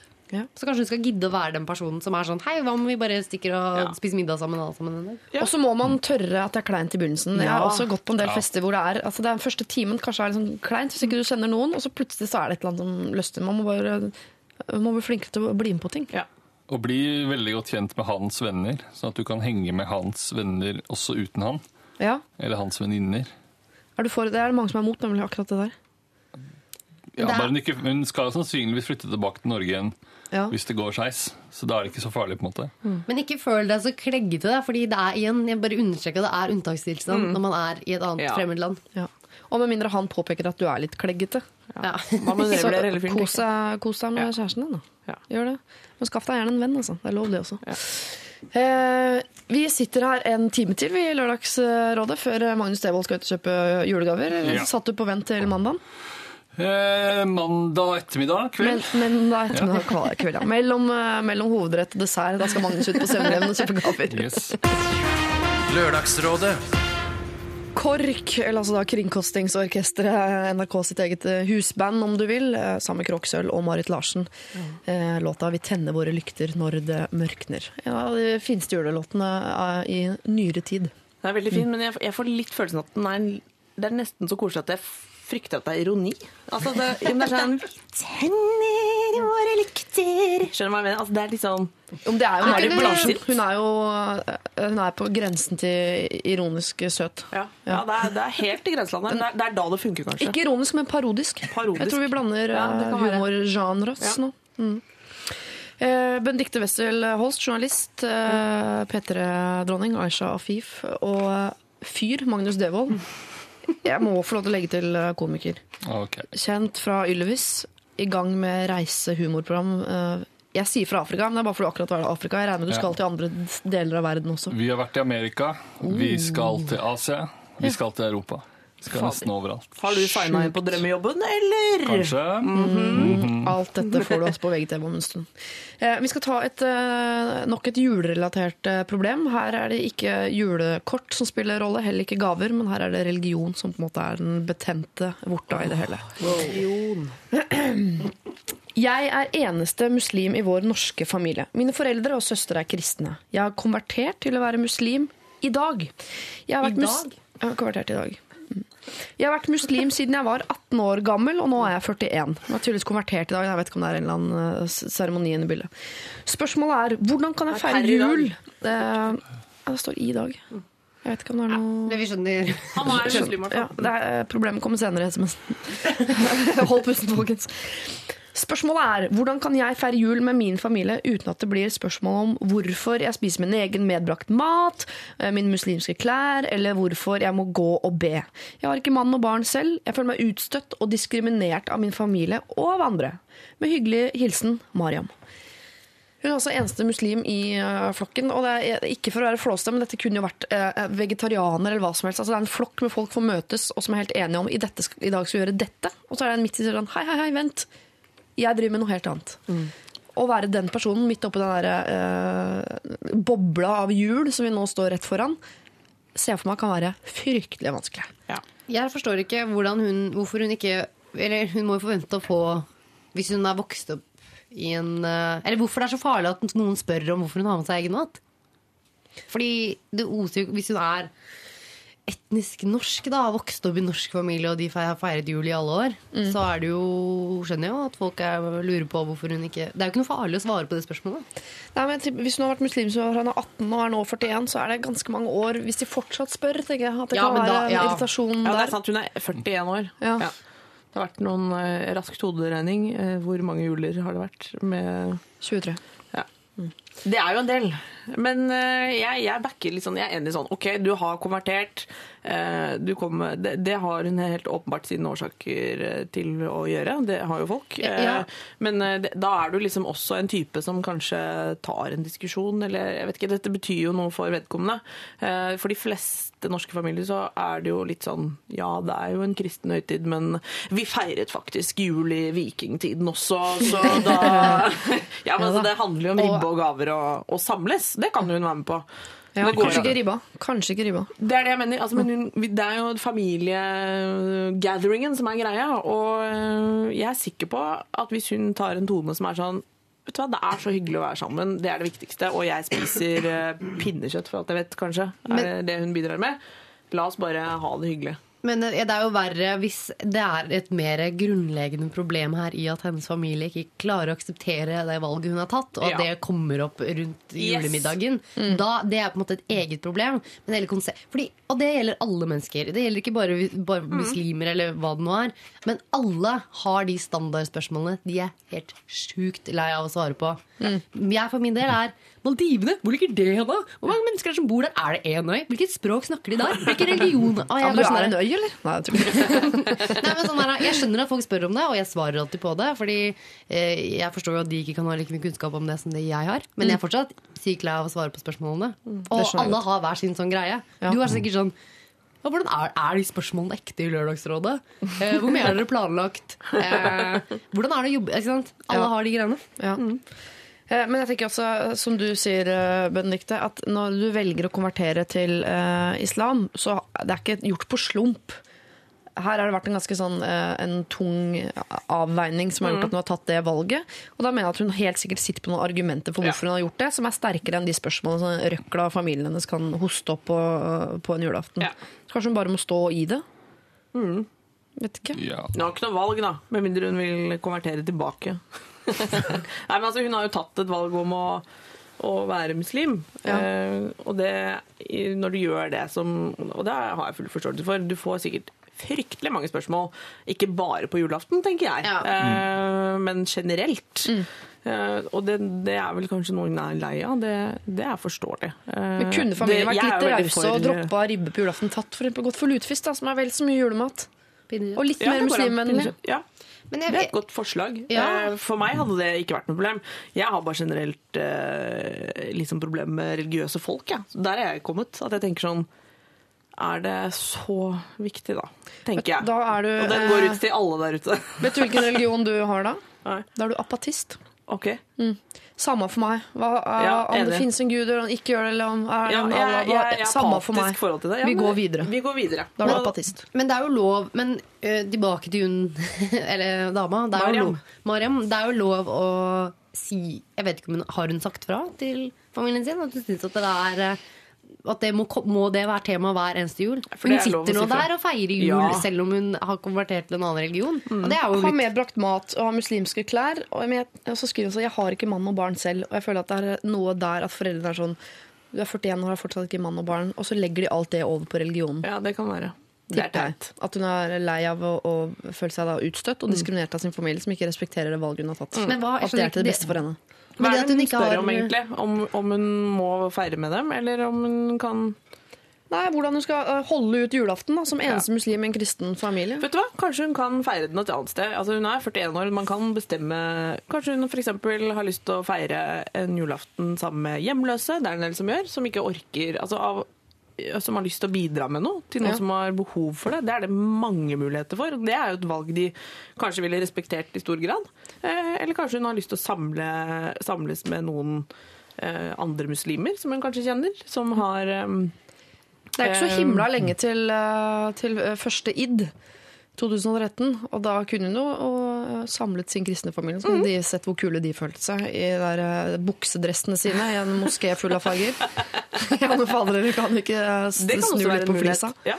Ja, men Hun må jo først og fremst gi dem beskjed om hvordan hun, hvordan hun opplever å være der på julaften. ja, da vil jeg anbefale at hun gjør det før julaften. Ja, Ikke på julaften. Ja.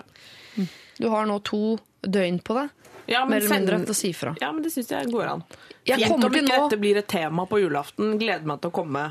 23 år på rad, jeg kommer til å ha med medbrakt mat, og jeg har fortsatt min religion. Kan vi snakke om mat? Det er litt dust at ikke de kan ha byttet litt på julematen hvis det er 23 juler med bare ribbe. Fordi det kan man overleve. Sånn annethvert år pinnekjøttribbe, f.eks. Men jeg skjønner, men jeg skjønner Eller ikke helt eller torsk. Ja. Eller lag begge deler. Lag begge deler, da. Ja. Hva spiser dere? Vi er veldig langt svar på det spørsmålet. Nei. Har familie fra mange forskjellige steder i landet. Og har du sånn kavalkade av juleretter? Ja, det blir sånn det ene på julaften, og så har vi det andre på første dag, og det tredje på andre Ja, dag. Og samme her. bytter det på rundt. Kan jeg bli med? Ja, Jeg kan høre. Kunne, Da må du være med meg og shoppe julegaver også på julaften. Så kan vi dra opp etterpå. Eh, Eh, Jeg tror du eh, som kvinne som har valgt dette selv, eh, sitter på de argumentene du trenger for å parkere familien din. Du må bare eh, si fra på forhånd, eller si fra ordentlig på julaften hvis de spørsmål kommer igjen, som de helt sikkert eh, gjør, og parkere resten av familien en gang for alle. For de har ikke noe du skal ha sagt, egentlig. Du er voksen, du har tatt ditt valg, eh, og så må du bare stå i det, rett og slett. God jul. Blood Command eh, ringer jula inn med sin High Five for Life. God lørdag. God jul! Gledelig jul. Eh, Jeg har et spørsmål som jeg har lyst til å ta med dagens lørdagsråd, som jo er Benedicte Wessel Holst, eh, journalist eh, med utvidet ansvar i KK. Aisha Afif eh, fra P3, direkte flydd inn fra New York. Jeg liker å si det, selv om ikke du er det. Og Magnus Devold, eh, som jo kan si hva vi vil om nå, fordi han er på toalettet for øyeblikket. Kommer Han er løpende med tre- sin to meter lange kropp. Ja, En hysterisk morsom fyr. Mm. Fra Grefsen, Oslo. Hva sa du? Hæ? Nei da, ikke, det er ikke så nøye. Ikke tenk på det. Ikke tenk på det. Ok, eh, jeg leser eh, følgende problem. Hei, jeg er en voksen dame som har tatt opp igjen eh, kontakten med en gammel flamme. Det har vært veldig bra. Så bra at det nesten føles som kjærlighet. En sen kveld ringte han meg, men vi pratet eh, i timevis, la store planer, og jeg var kjempehappy. Endelig ser det faktisk ut at jeg får drømmemannen. I denne telefonsamtalen endte vi opp med å snakke om tidligere sexpartnere. I et overtrøtt øyeblikk plumpet jeg ut med at jeg ligget med lillebroren hans. Dette skjedde for mange år siden. Vi var to unge skittunger på fylla som hadde utforsket dette med hva sex kunne være. Ikke særlig vellykket, ingen romantikk, verken da eller siden. Etter at eh, drømmemannen da fikk vite dette om meg, var alt over. Han har dårlig forhold til broren sin, eh, og om det er en faktor, vet jeg ikke. Jeg har ikke sett han siden, han vil ikke snakke med meg. Jeg får ingen forklaring, kun at eh, han trekker seg ut etter å ha fått vite prikk, prikk, prikk. Jeg føler at jeg har ødelagt alt med én setning. Fins det noen måte å bli kvitt denne kjærlighetssorgen på? Er min fortid så ille at jeg fortjener å bli behandlet som dette? Trenger gode råd. Med vennligheten håpløs. Hun sier at 'jeg føler at jeg har ødelagt alt med en setning'. Det, har er du. altså, ja. det har du jo på en måte der. Men om det er berettiget, kan vi jo godt ta en runde på. Er det sånn at uh, Fortjener hun en forklaring, eller fortjener hun noe mer fra han? Eller kan han bare trekke seg helt ut idet han får vite at hun har ligget med lillebroren hans? Å, det er jo synd at han gjør det, men altså, jeg prøver å, som vanlig, min måte å sette meg inn i problemstillingen på, jeg prøver å gå inn i det selv. Ja. Nå må jeg bare tenke, Det vil altså være at jeg har veldig romantiske samtaler, bla, bla, bla, og så får jeg vite at vedkommende har ligget med søsteren min. Jeg beklager, ass. Da er det en eh, conversation. End of conversation. Bye bye, no love. jeg må innrømme det. Hadde gjort akkurat det samme. Men jeg selv. må, der, der er det litt dårlig gjort. Men jeg må gi litt kjeft for at hun sa det. På hvilken planet er det ok å si noe sånt? Ja, Hun burde aldri sagt det. Det står i reglementet på løv. Hvis du har ligget med søsken av den du er på dealeren med, delete. For jeg har jo ingen søsken. Så jeg aner, aner ikke hvordan denne verden Det er perfekt for deg. Han, perfekt for meg, ja. Ja. Det er det. Du slipper den Med situasjonen. mindre jeg er på andre siden av det. Men som, eh, som gutt, er det så ille ikke kunne fått deg en dame som eh, eh, hadde ligget med en veldig god kompis, for eksempel, da, for ti år siden i russetida. Ingen Ja. tenkte noe på Jeg kan ikke skjønne at det er så farlig. Ja, men Jeg er enig når du sier det på den måten. Så er jeg litt enig. Ja, men kom, det er ikke kjøtt og blod, liksom. Ja, Det liker er jo ikke, han liker jo ikke broren sin engang. Ja, men det er fortsatt i slekt. Ja, han skal jo sitte verre. rundt i juleribba og se han inn i øynene og bare 'Å, du har ligget med dama mi'. Enig. Jeg glemte det, Det med jo- et øyeblikk. Men er det så far Akkurat det tenker jeg er liksom Om det er Jeg tror ikke det er, handler om sjalusi eller noe sånt. sånn det blir så buksvåger med ja, sin egen ja, bror. det, er, det, liksom. er, det er det. Du, du penser innpå noe sånn Når familie og sex møtes, Ja. så, så må man bare forlate rommet, altså. Det blir nesten litt uvel når jeg tenker på det. Men det er jo Altså, synd det, det er veldig synd. Det er bare, det er bare sånn det er. Så i et dårlig øyeblikk for mange mange år siden og tok et dårlig valg, så skal det ha liksom, Nei, konsekvenser for den store kjærligheten er- senere i livet? Ja, men det er ikke det, altså, jeg, det, er ikke det, Det er at hun hun gjorde det, det. er at det det at hun gjorde det. Det er det at hun var så dum å si det til han fyren.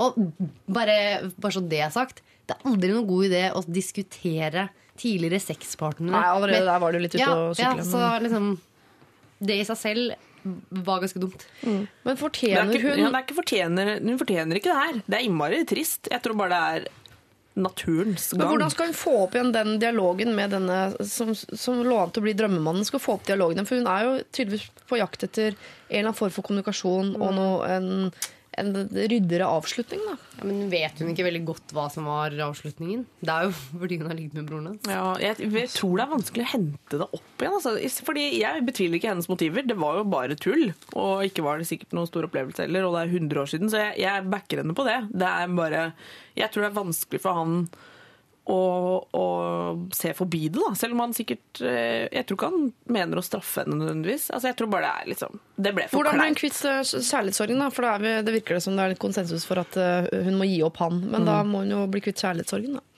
Ja, det er jo alltid Hadde man visst det, Ja. så Nei, hun får vel bare se på det som liksom en lærdom hun har fått seg, da.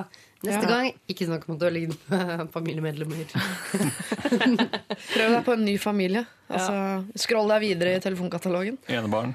Alltid lurt. Hun kan jo Gå for enebarn. gå for enebarn. og Trygt og godt, og, og mye Bra folk. Bra folk. Ja. Nei, men vet du hva? Hvis hun har veldig behov for en avslutning, så kan hun jo eh, sende han en eh, Mail. mail eller noe hvor skriver liksom, 'beklager at dette ble så dumt', og jeg vil bare at du skal vite at eh, det var ikke min intensjon å sette deg i en kjip situasjon. Det er 100 år siden. Altså, hun må gjerne si det hun Ja. kanskje allerede har sagt, og så bare få en closure på det. Det kan være litt sånn godt for hennes egen prosess også. Men det er som Aisha sier, hva- hun får ikke noe mer svar nå enn at Kanskje. 'sorry, du har ligget med broren min'. Det kan hende han må la det synke og så videre, men Da har hun gjort også sitt for å prøve å redde det. Altså, Ja. Da har hun gjort alt hun kan for å redde det. Ja. Og det føles jo bra. Det er verre å gå rundt og bare Kanskje hvis jeg hadde sendt den mailen, ja, så hadde hun kanskje hun kan godt gi fra seg. Bare ikke for mye sånn hjertesmerte, for det kan bli litt flaut eh, i etterkant, når hun er over det.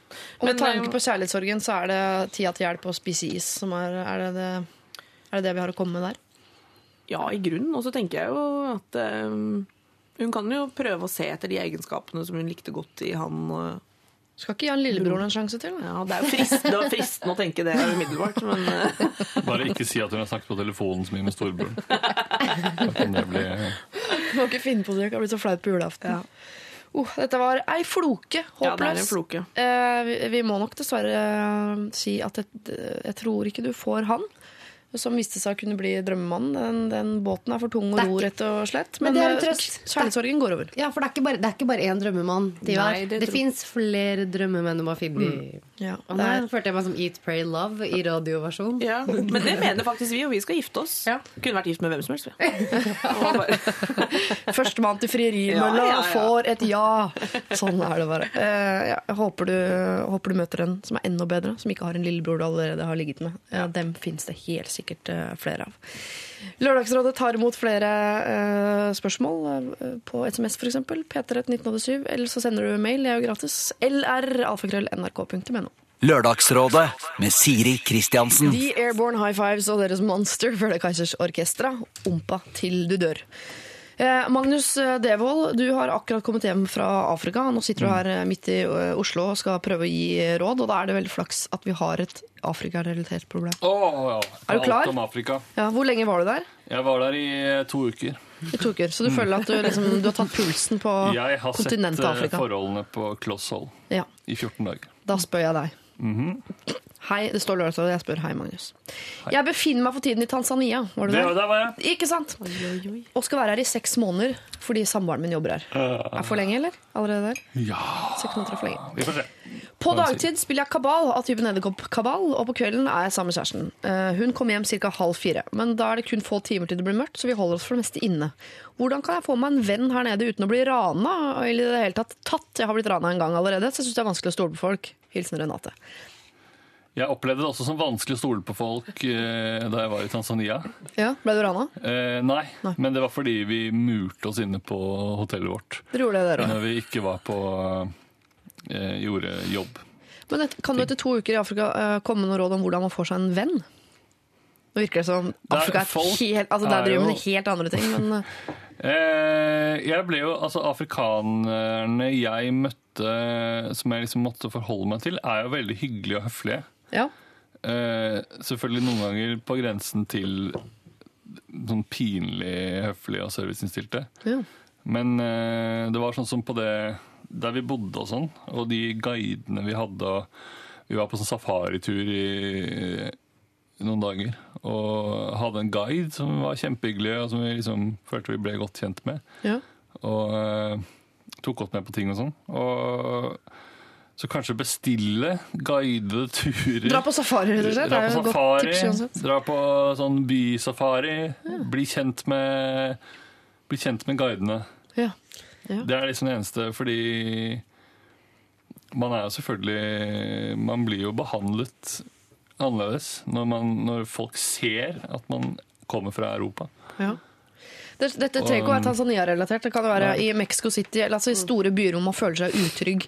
Så skjønner jeg at du ikke, å gå ut på kvelden og bare ta kontakt med fremmede folk kan være litt vanskelig i jakten på en uh, venn. Og Aisha Afif og Benedicte Wesselås, dere har jo vært uh, utafor Ring 3 i Oslo, dere også. Ja, Så jeg er veldig der- lite bereist, egentlig. Ja. Jeg, jeg er nesten i kategorien Inhabil. Nei, men Nei, eh, spør Aisha. Ja. Ok, Nei, jeg ville gått for hvis, det, er- altså, hvis du bare skal være der en liten stund, trenger bare noen folk å henge med, gjør det klassiske trekket og oppsøk det norske samf... Eller det må være en form for norsk community der. Om det er noen sånn Sjømannskirken, om det er noen andre folk som også er der på et engasjement, jobber i en organisasjon. Frivillige er- arbeidere og sånn. Ja, det er Ja. nordmenn around, og du må bare finne dem. Og hvis det ikke er det, så er det så, sånn, så må du bare Jeg tror du Når du får én person, så kan den ene personen Ja.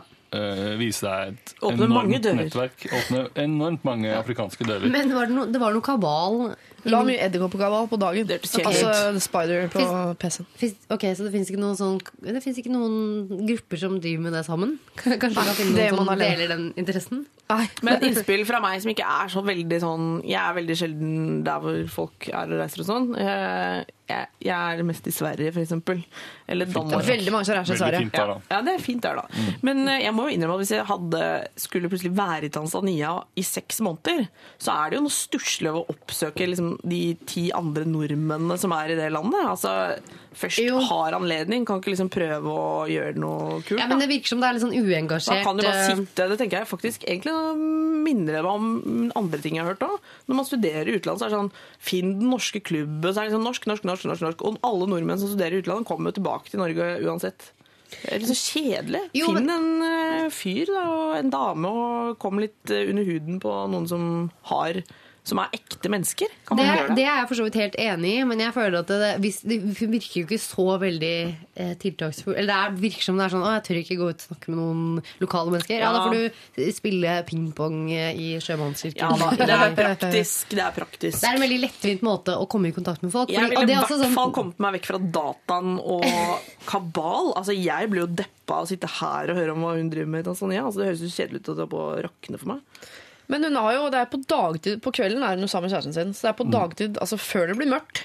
Hun har muligheten til å gå ut og bli venner med folk. Det er, må da være ting som foregår på dagen der nede som hun kan Ja, involvere seg. Kan hun ikke eh, jeg tipper hun kan involvere seg i noe Facebook. frivillig arbeid. Da. da trenger hun ikke å bli sant om det er greit ikke å oppsøke norske. Det kan være en kjempe, Vi har jo allerede anfatt alle å ha en venn i Nederland. Kanskje en nederlender da, som driver med. Ja. Ja, men Det er derfor jeg mener at det virker som hun bare ikke har Fordi jeg kan ikke sitte og google for henne hva slags eh, ting man kan gjøre i Tanzania på dagtid. Det, må hun, det krever litt innsats Det gjør det. for å komme i kontakt med folk. Trykk på det lille krysset øverst i høyre hjørne på edderkoppkabalen, og så åpner du Google, Safari eller Firefox eller hva det måtte være. Og så finner du. Ja, det kan hende. Det kan ta noen dager. ja. Finn på noe, liksom. Blir jo ikke, Benytt blir anledningen. jo ikke rana bare Kommer du går ut aldri på til å- gata. Mannen jobber jo der. Ja, men det skjer i Oslo. Ja.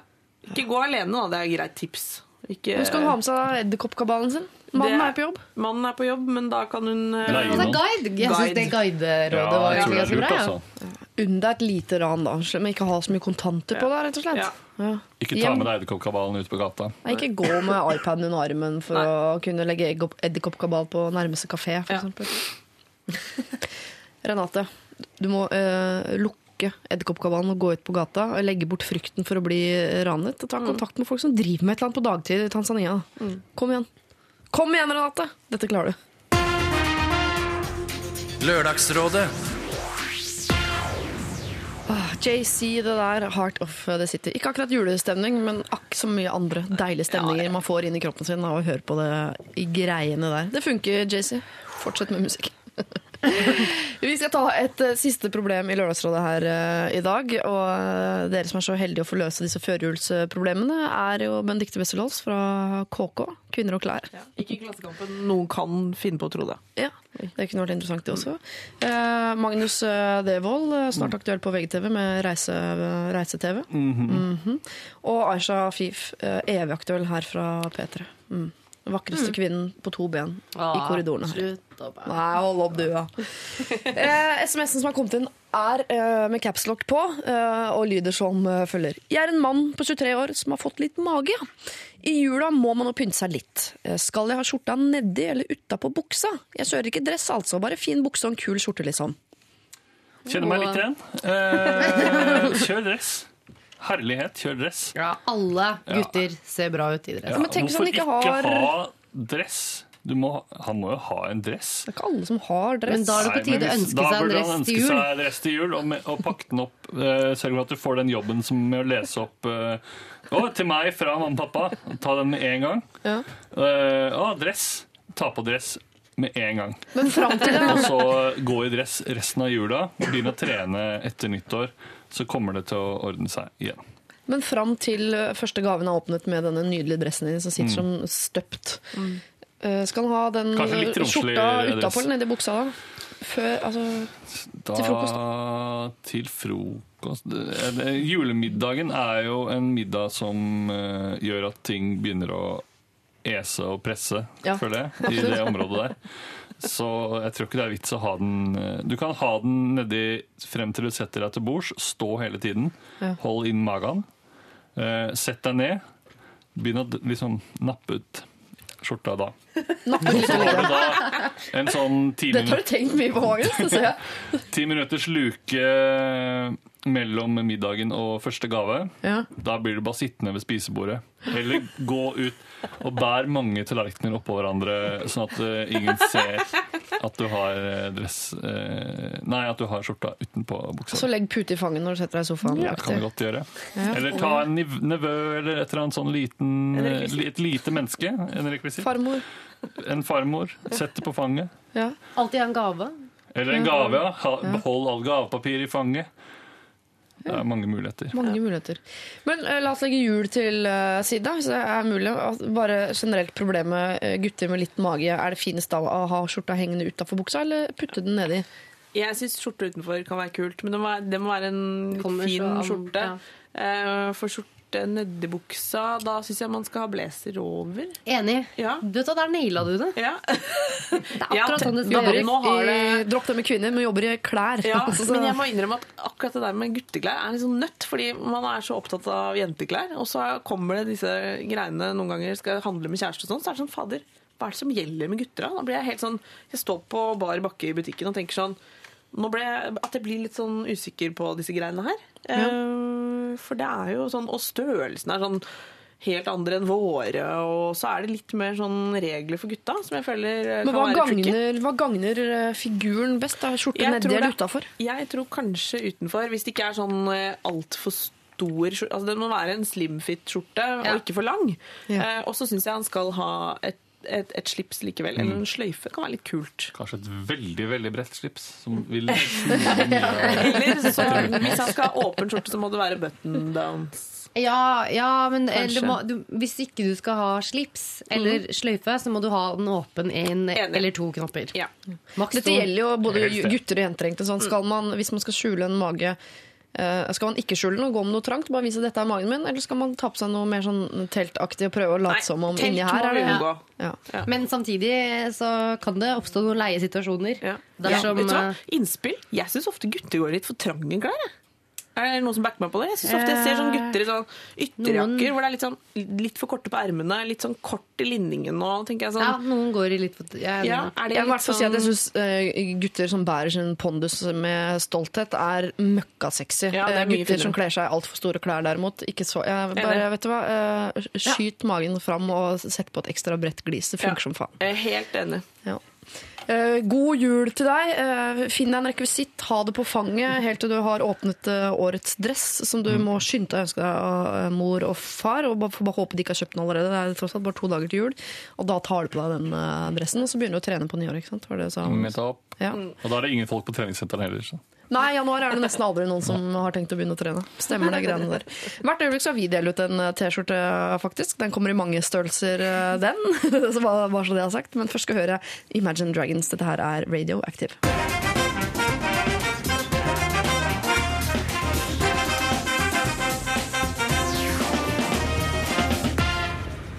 Radioactive Imagine Dragons eh, var det der. Og vi skal dele ut en T-skjorte her i Lørdagsrådet. Jeg tenkte faktisk at uh, i dag skulle uh, Aisha, uh, Benedicte og Magnus skal få holde hver deres eh, lille appell for uh, hvem dere mener skal eh, få dagens T-skjorte. Og ikke begynn å svette ennå, for jeg skal lese opp alle kandidatene, så dere har litt, eh, litt grann tid, altså. All se. Vi har soldaten i nød, altså han som lurer på om han eh, aldri kommer til å få seg familie og kjæreste fordi han eh, pendler som eh, yrkessoldat hit og dit.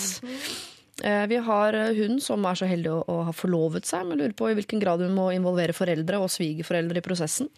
Så har du A Gay Man in Berlin, som er altså blitt slutt med typen etter seks år. Vært singel en måned og lurer på om han skal hoppe i det med en jævlig heit legefyr med to barn med en lesbisk dame. Eh, dette blir mye for, for deg som har skrudd på nå og ikke har fått med selve problemet. Jeg skjønner at du nå tenker hva er det dere har drevet med mens jeg har sovet? Å, det er så mye.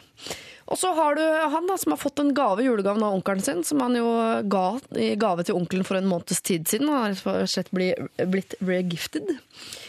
Og så har du han som er uten føringer, min favoritt. Som fortsatt får julekort av eksen med bilde av hennes barn som bærer navna som de hadde tenkt å ha på sine felles barn eh, sammen. Og så har du hun som har blitt med kjæresten til Nederland. Eh, Riktignok i en annen leilighet, eh, men dog eh, samme land. Og føler seg litt klengete, for hun helst varer å være sammen med han hele tiden. Så har du jenta som er eneste muslim i en kristen familie og gruer seg til julefeiringen, som er nå om to dager. Det skjønner jeg veldig veldig godt. Vi mener jo at du ikke trenger å feire jul hvis ikke du vil. Du skal jo tross alt egentlig ikke det som muslim. Så har du hun da, som lå med lillebroren til drømmemannen for lenge, lenge sia. Jeg gidder ikke å beskrive det noe nærmere. Og så har du eh, en annen dame som ikke har flyttet til Nederland, men hele veien til Tanzania, om enn bare for en seks måneders eh, tid, og sliter med å finne seg venner, og bruker hele tiden på Spider Cabal på PC-en. Og til slutt her, mannen som har fått pondus, lurer på om han skal bruke skjorta nedi eller utenpå buksene. Hvem vil holde første appell? Oi. Jeg kan holde en appell Ja. eh, til eh, hun som eh, lurer på hvordan hun skal planlegge bryllupet sitt. Hvor mye skal svigers og foreldre være involvert? Ja, og jeg vil bare takke for eh, å få anledning til å snakke om både mitt og Benedictes bryllup. For det Det er veldig eh, ærlig av deg. Altså, ja, det- det, jeg, det er alle anledninger der jeg kan få snakke om eh, bryllupet mitt. Fortjener en Petter Etter-skjorte. Kanskje du skal ta med deg noen fra. Quizette-lageret før du går herfra i dag, kanskje. Som du har gjennom jula. Eh, eh, Benedicte? Oi, jeg fikk litt sånn hjerte for han eh, soldaten, jeg. Eh, Men det er litt fordi jeg forestiller meg at han er sånn skikkelig kjekk eh, diamant oppe i nord som bare Du tenker nord òg, ja? Jeg tenker nord, ja. Jeg tenker at han liksom er en skikkelig godbit som eh, fortjener en bra dame. Og at han kanskje kunne hatt den T-skjorta I mangel på en bra dame. Nei, i første, som en første dategave. Jeg bare tenker at det er så hyggelig at han kan levere den på en måte som er sånn dette er veldig hyggelig å få treffe deg. Gleder meg. Jeg har faktisk en T-skjorte her som uh... Du mener at han skal bruke T-skjorta til P3 som sånn lokkemiddel, akkurat som Vågå-ordføreren brukte et møte med Jens Stoltenberg? Sånn cirka. Ja, men det gjør jeg faktisk. Det er en bra inngang, liksom. Å, å være en fyr som eh, har, har, har fått en, en sånn T-skjorte. Jeg, ja, jeg syns han fortjener det nå. Jeg syns han kan uh, ha den som et alternativ til den kjekke uniformen han antageligvis også har, da. Som han absolutt må bruke for alt den er verdt i datesammenheng. Magnus? Ja, eh, litt sånn samme logikk. Så Så tenkte jeg at eh, kanskje hun som er i Tanzania Ja. Både fordi da fikk jeg anledning til å snakke om mitt nye reiseprogram som kom på VGTV i mars 2013. Og i tillegg Ja. så fører da en eh, forsendelse av en sånn T-skjorte ned dit til at hun må gå på postkontoret, Snakke med postmannen, snakke med postkontoransatte. Eh, folk vi møter på veien, man spør hvor er postkontoret. Eh, Du skal være seks måneder, det er ikke sikkert den kommer fram. Altså. Jo, det gjør det nok. Ja. Jeg tror de er ganske raske på sånne ting. Jeg tar en sjefsavgjørelse, faktisk. Ja. Fordi både Aisha og Magnus sitt motiv for å gi bort en T-skjorte er eh, egoistisk motivert. Ja. Uh, Benedicte Wesselhost som eneste her som gir bort en uh, Hun har et rent hjerte idet hun velger å gi bort en P3-T-skjorte til en soldat uh, som i mangel på kjærlighet fortjener da denne T-skjorta. Og sånn blir det. Du må gi en sånn slimfit-versjon, Siri. Som sitter litt sånn tett inntil muskulaturen. Som han sikkert har opparbeidet seg. Med litt plass til en ekstra sixpack. Eh, hvis ikke du skjønner hva vi prater om i det hele tatt, så er det fordi du ikke har hørt på de siste tre timene. Men det er ikke for seint. Du kan laste ned vår podkast. Det gjør du da via NRK sine sider, eller selvfølgelig på iTunes. Bilde av eh, gjengen som har skapt denne morgenen, og magien i den, eh, det kan du se på vår Facebook-side. Aisha er ikke helt fornøyd med bildet, så vi bare får påpekt det. Og ellers vil jeg si god jul. Eh, Send gjerne inn problemer i løpet av jula. Vi tar det i 2013, men da må du bruke mail. lralfakrøll.nrk.no. Og det gjenstår for meg å si god jul til alle.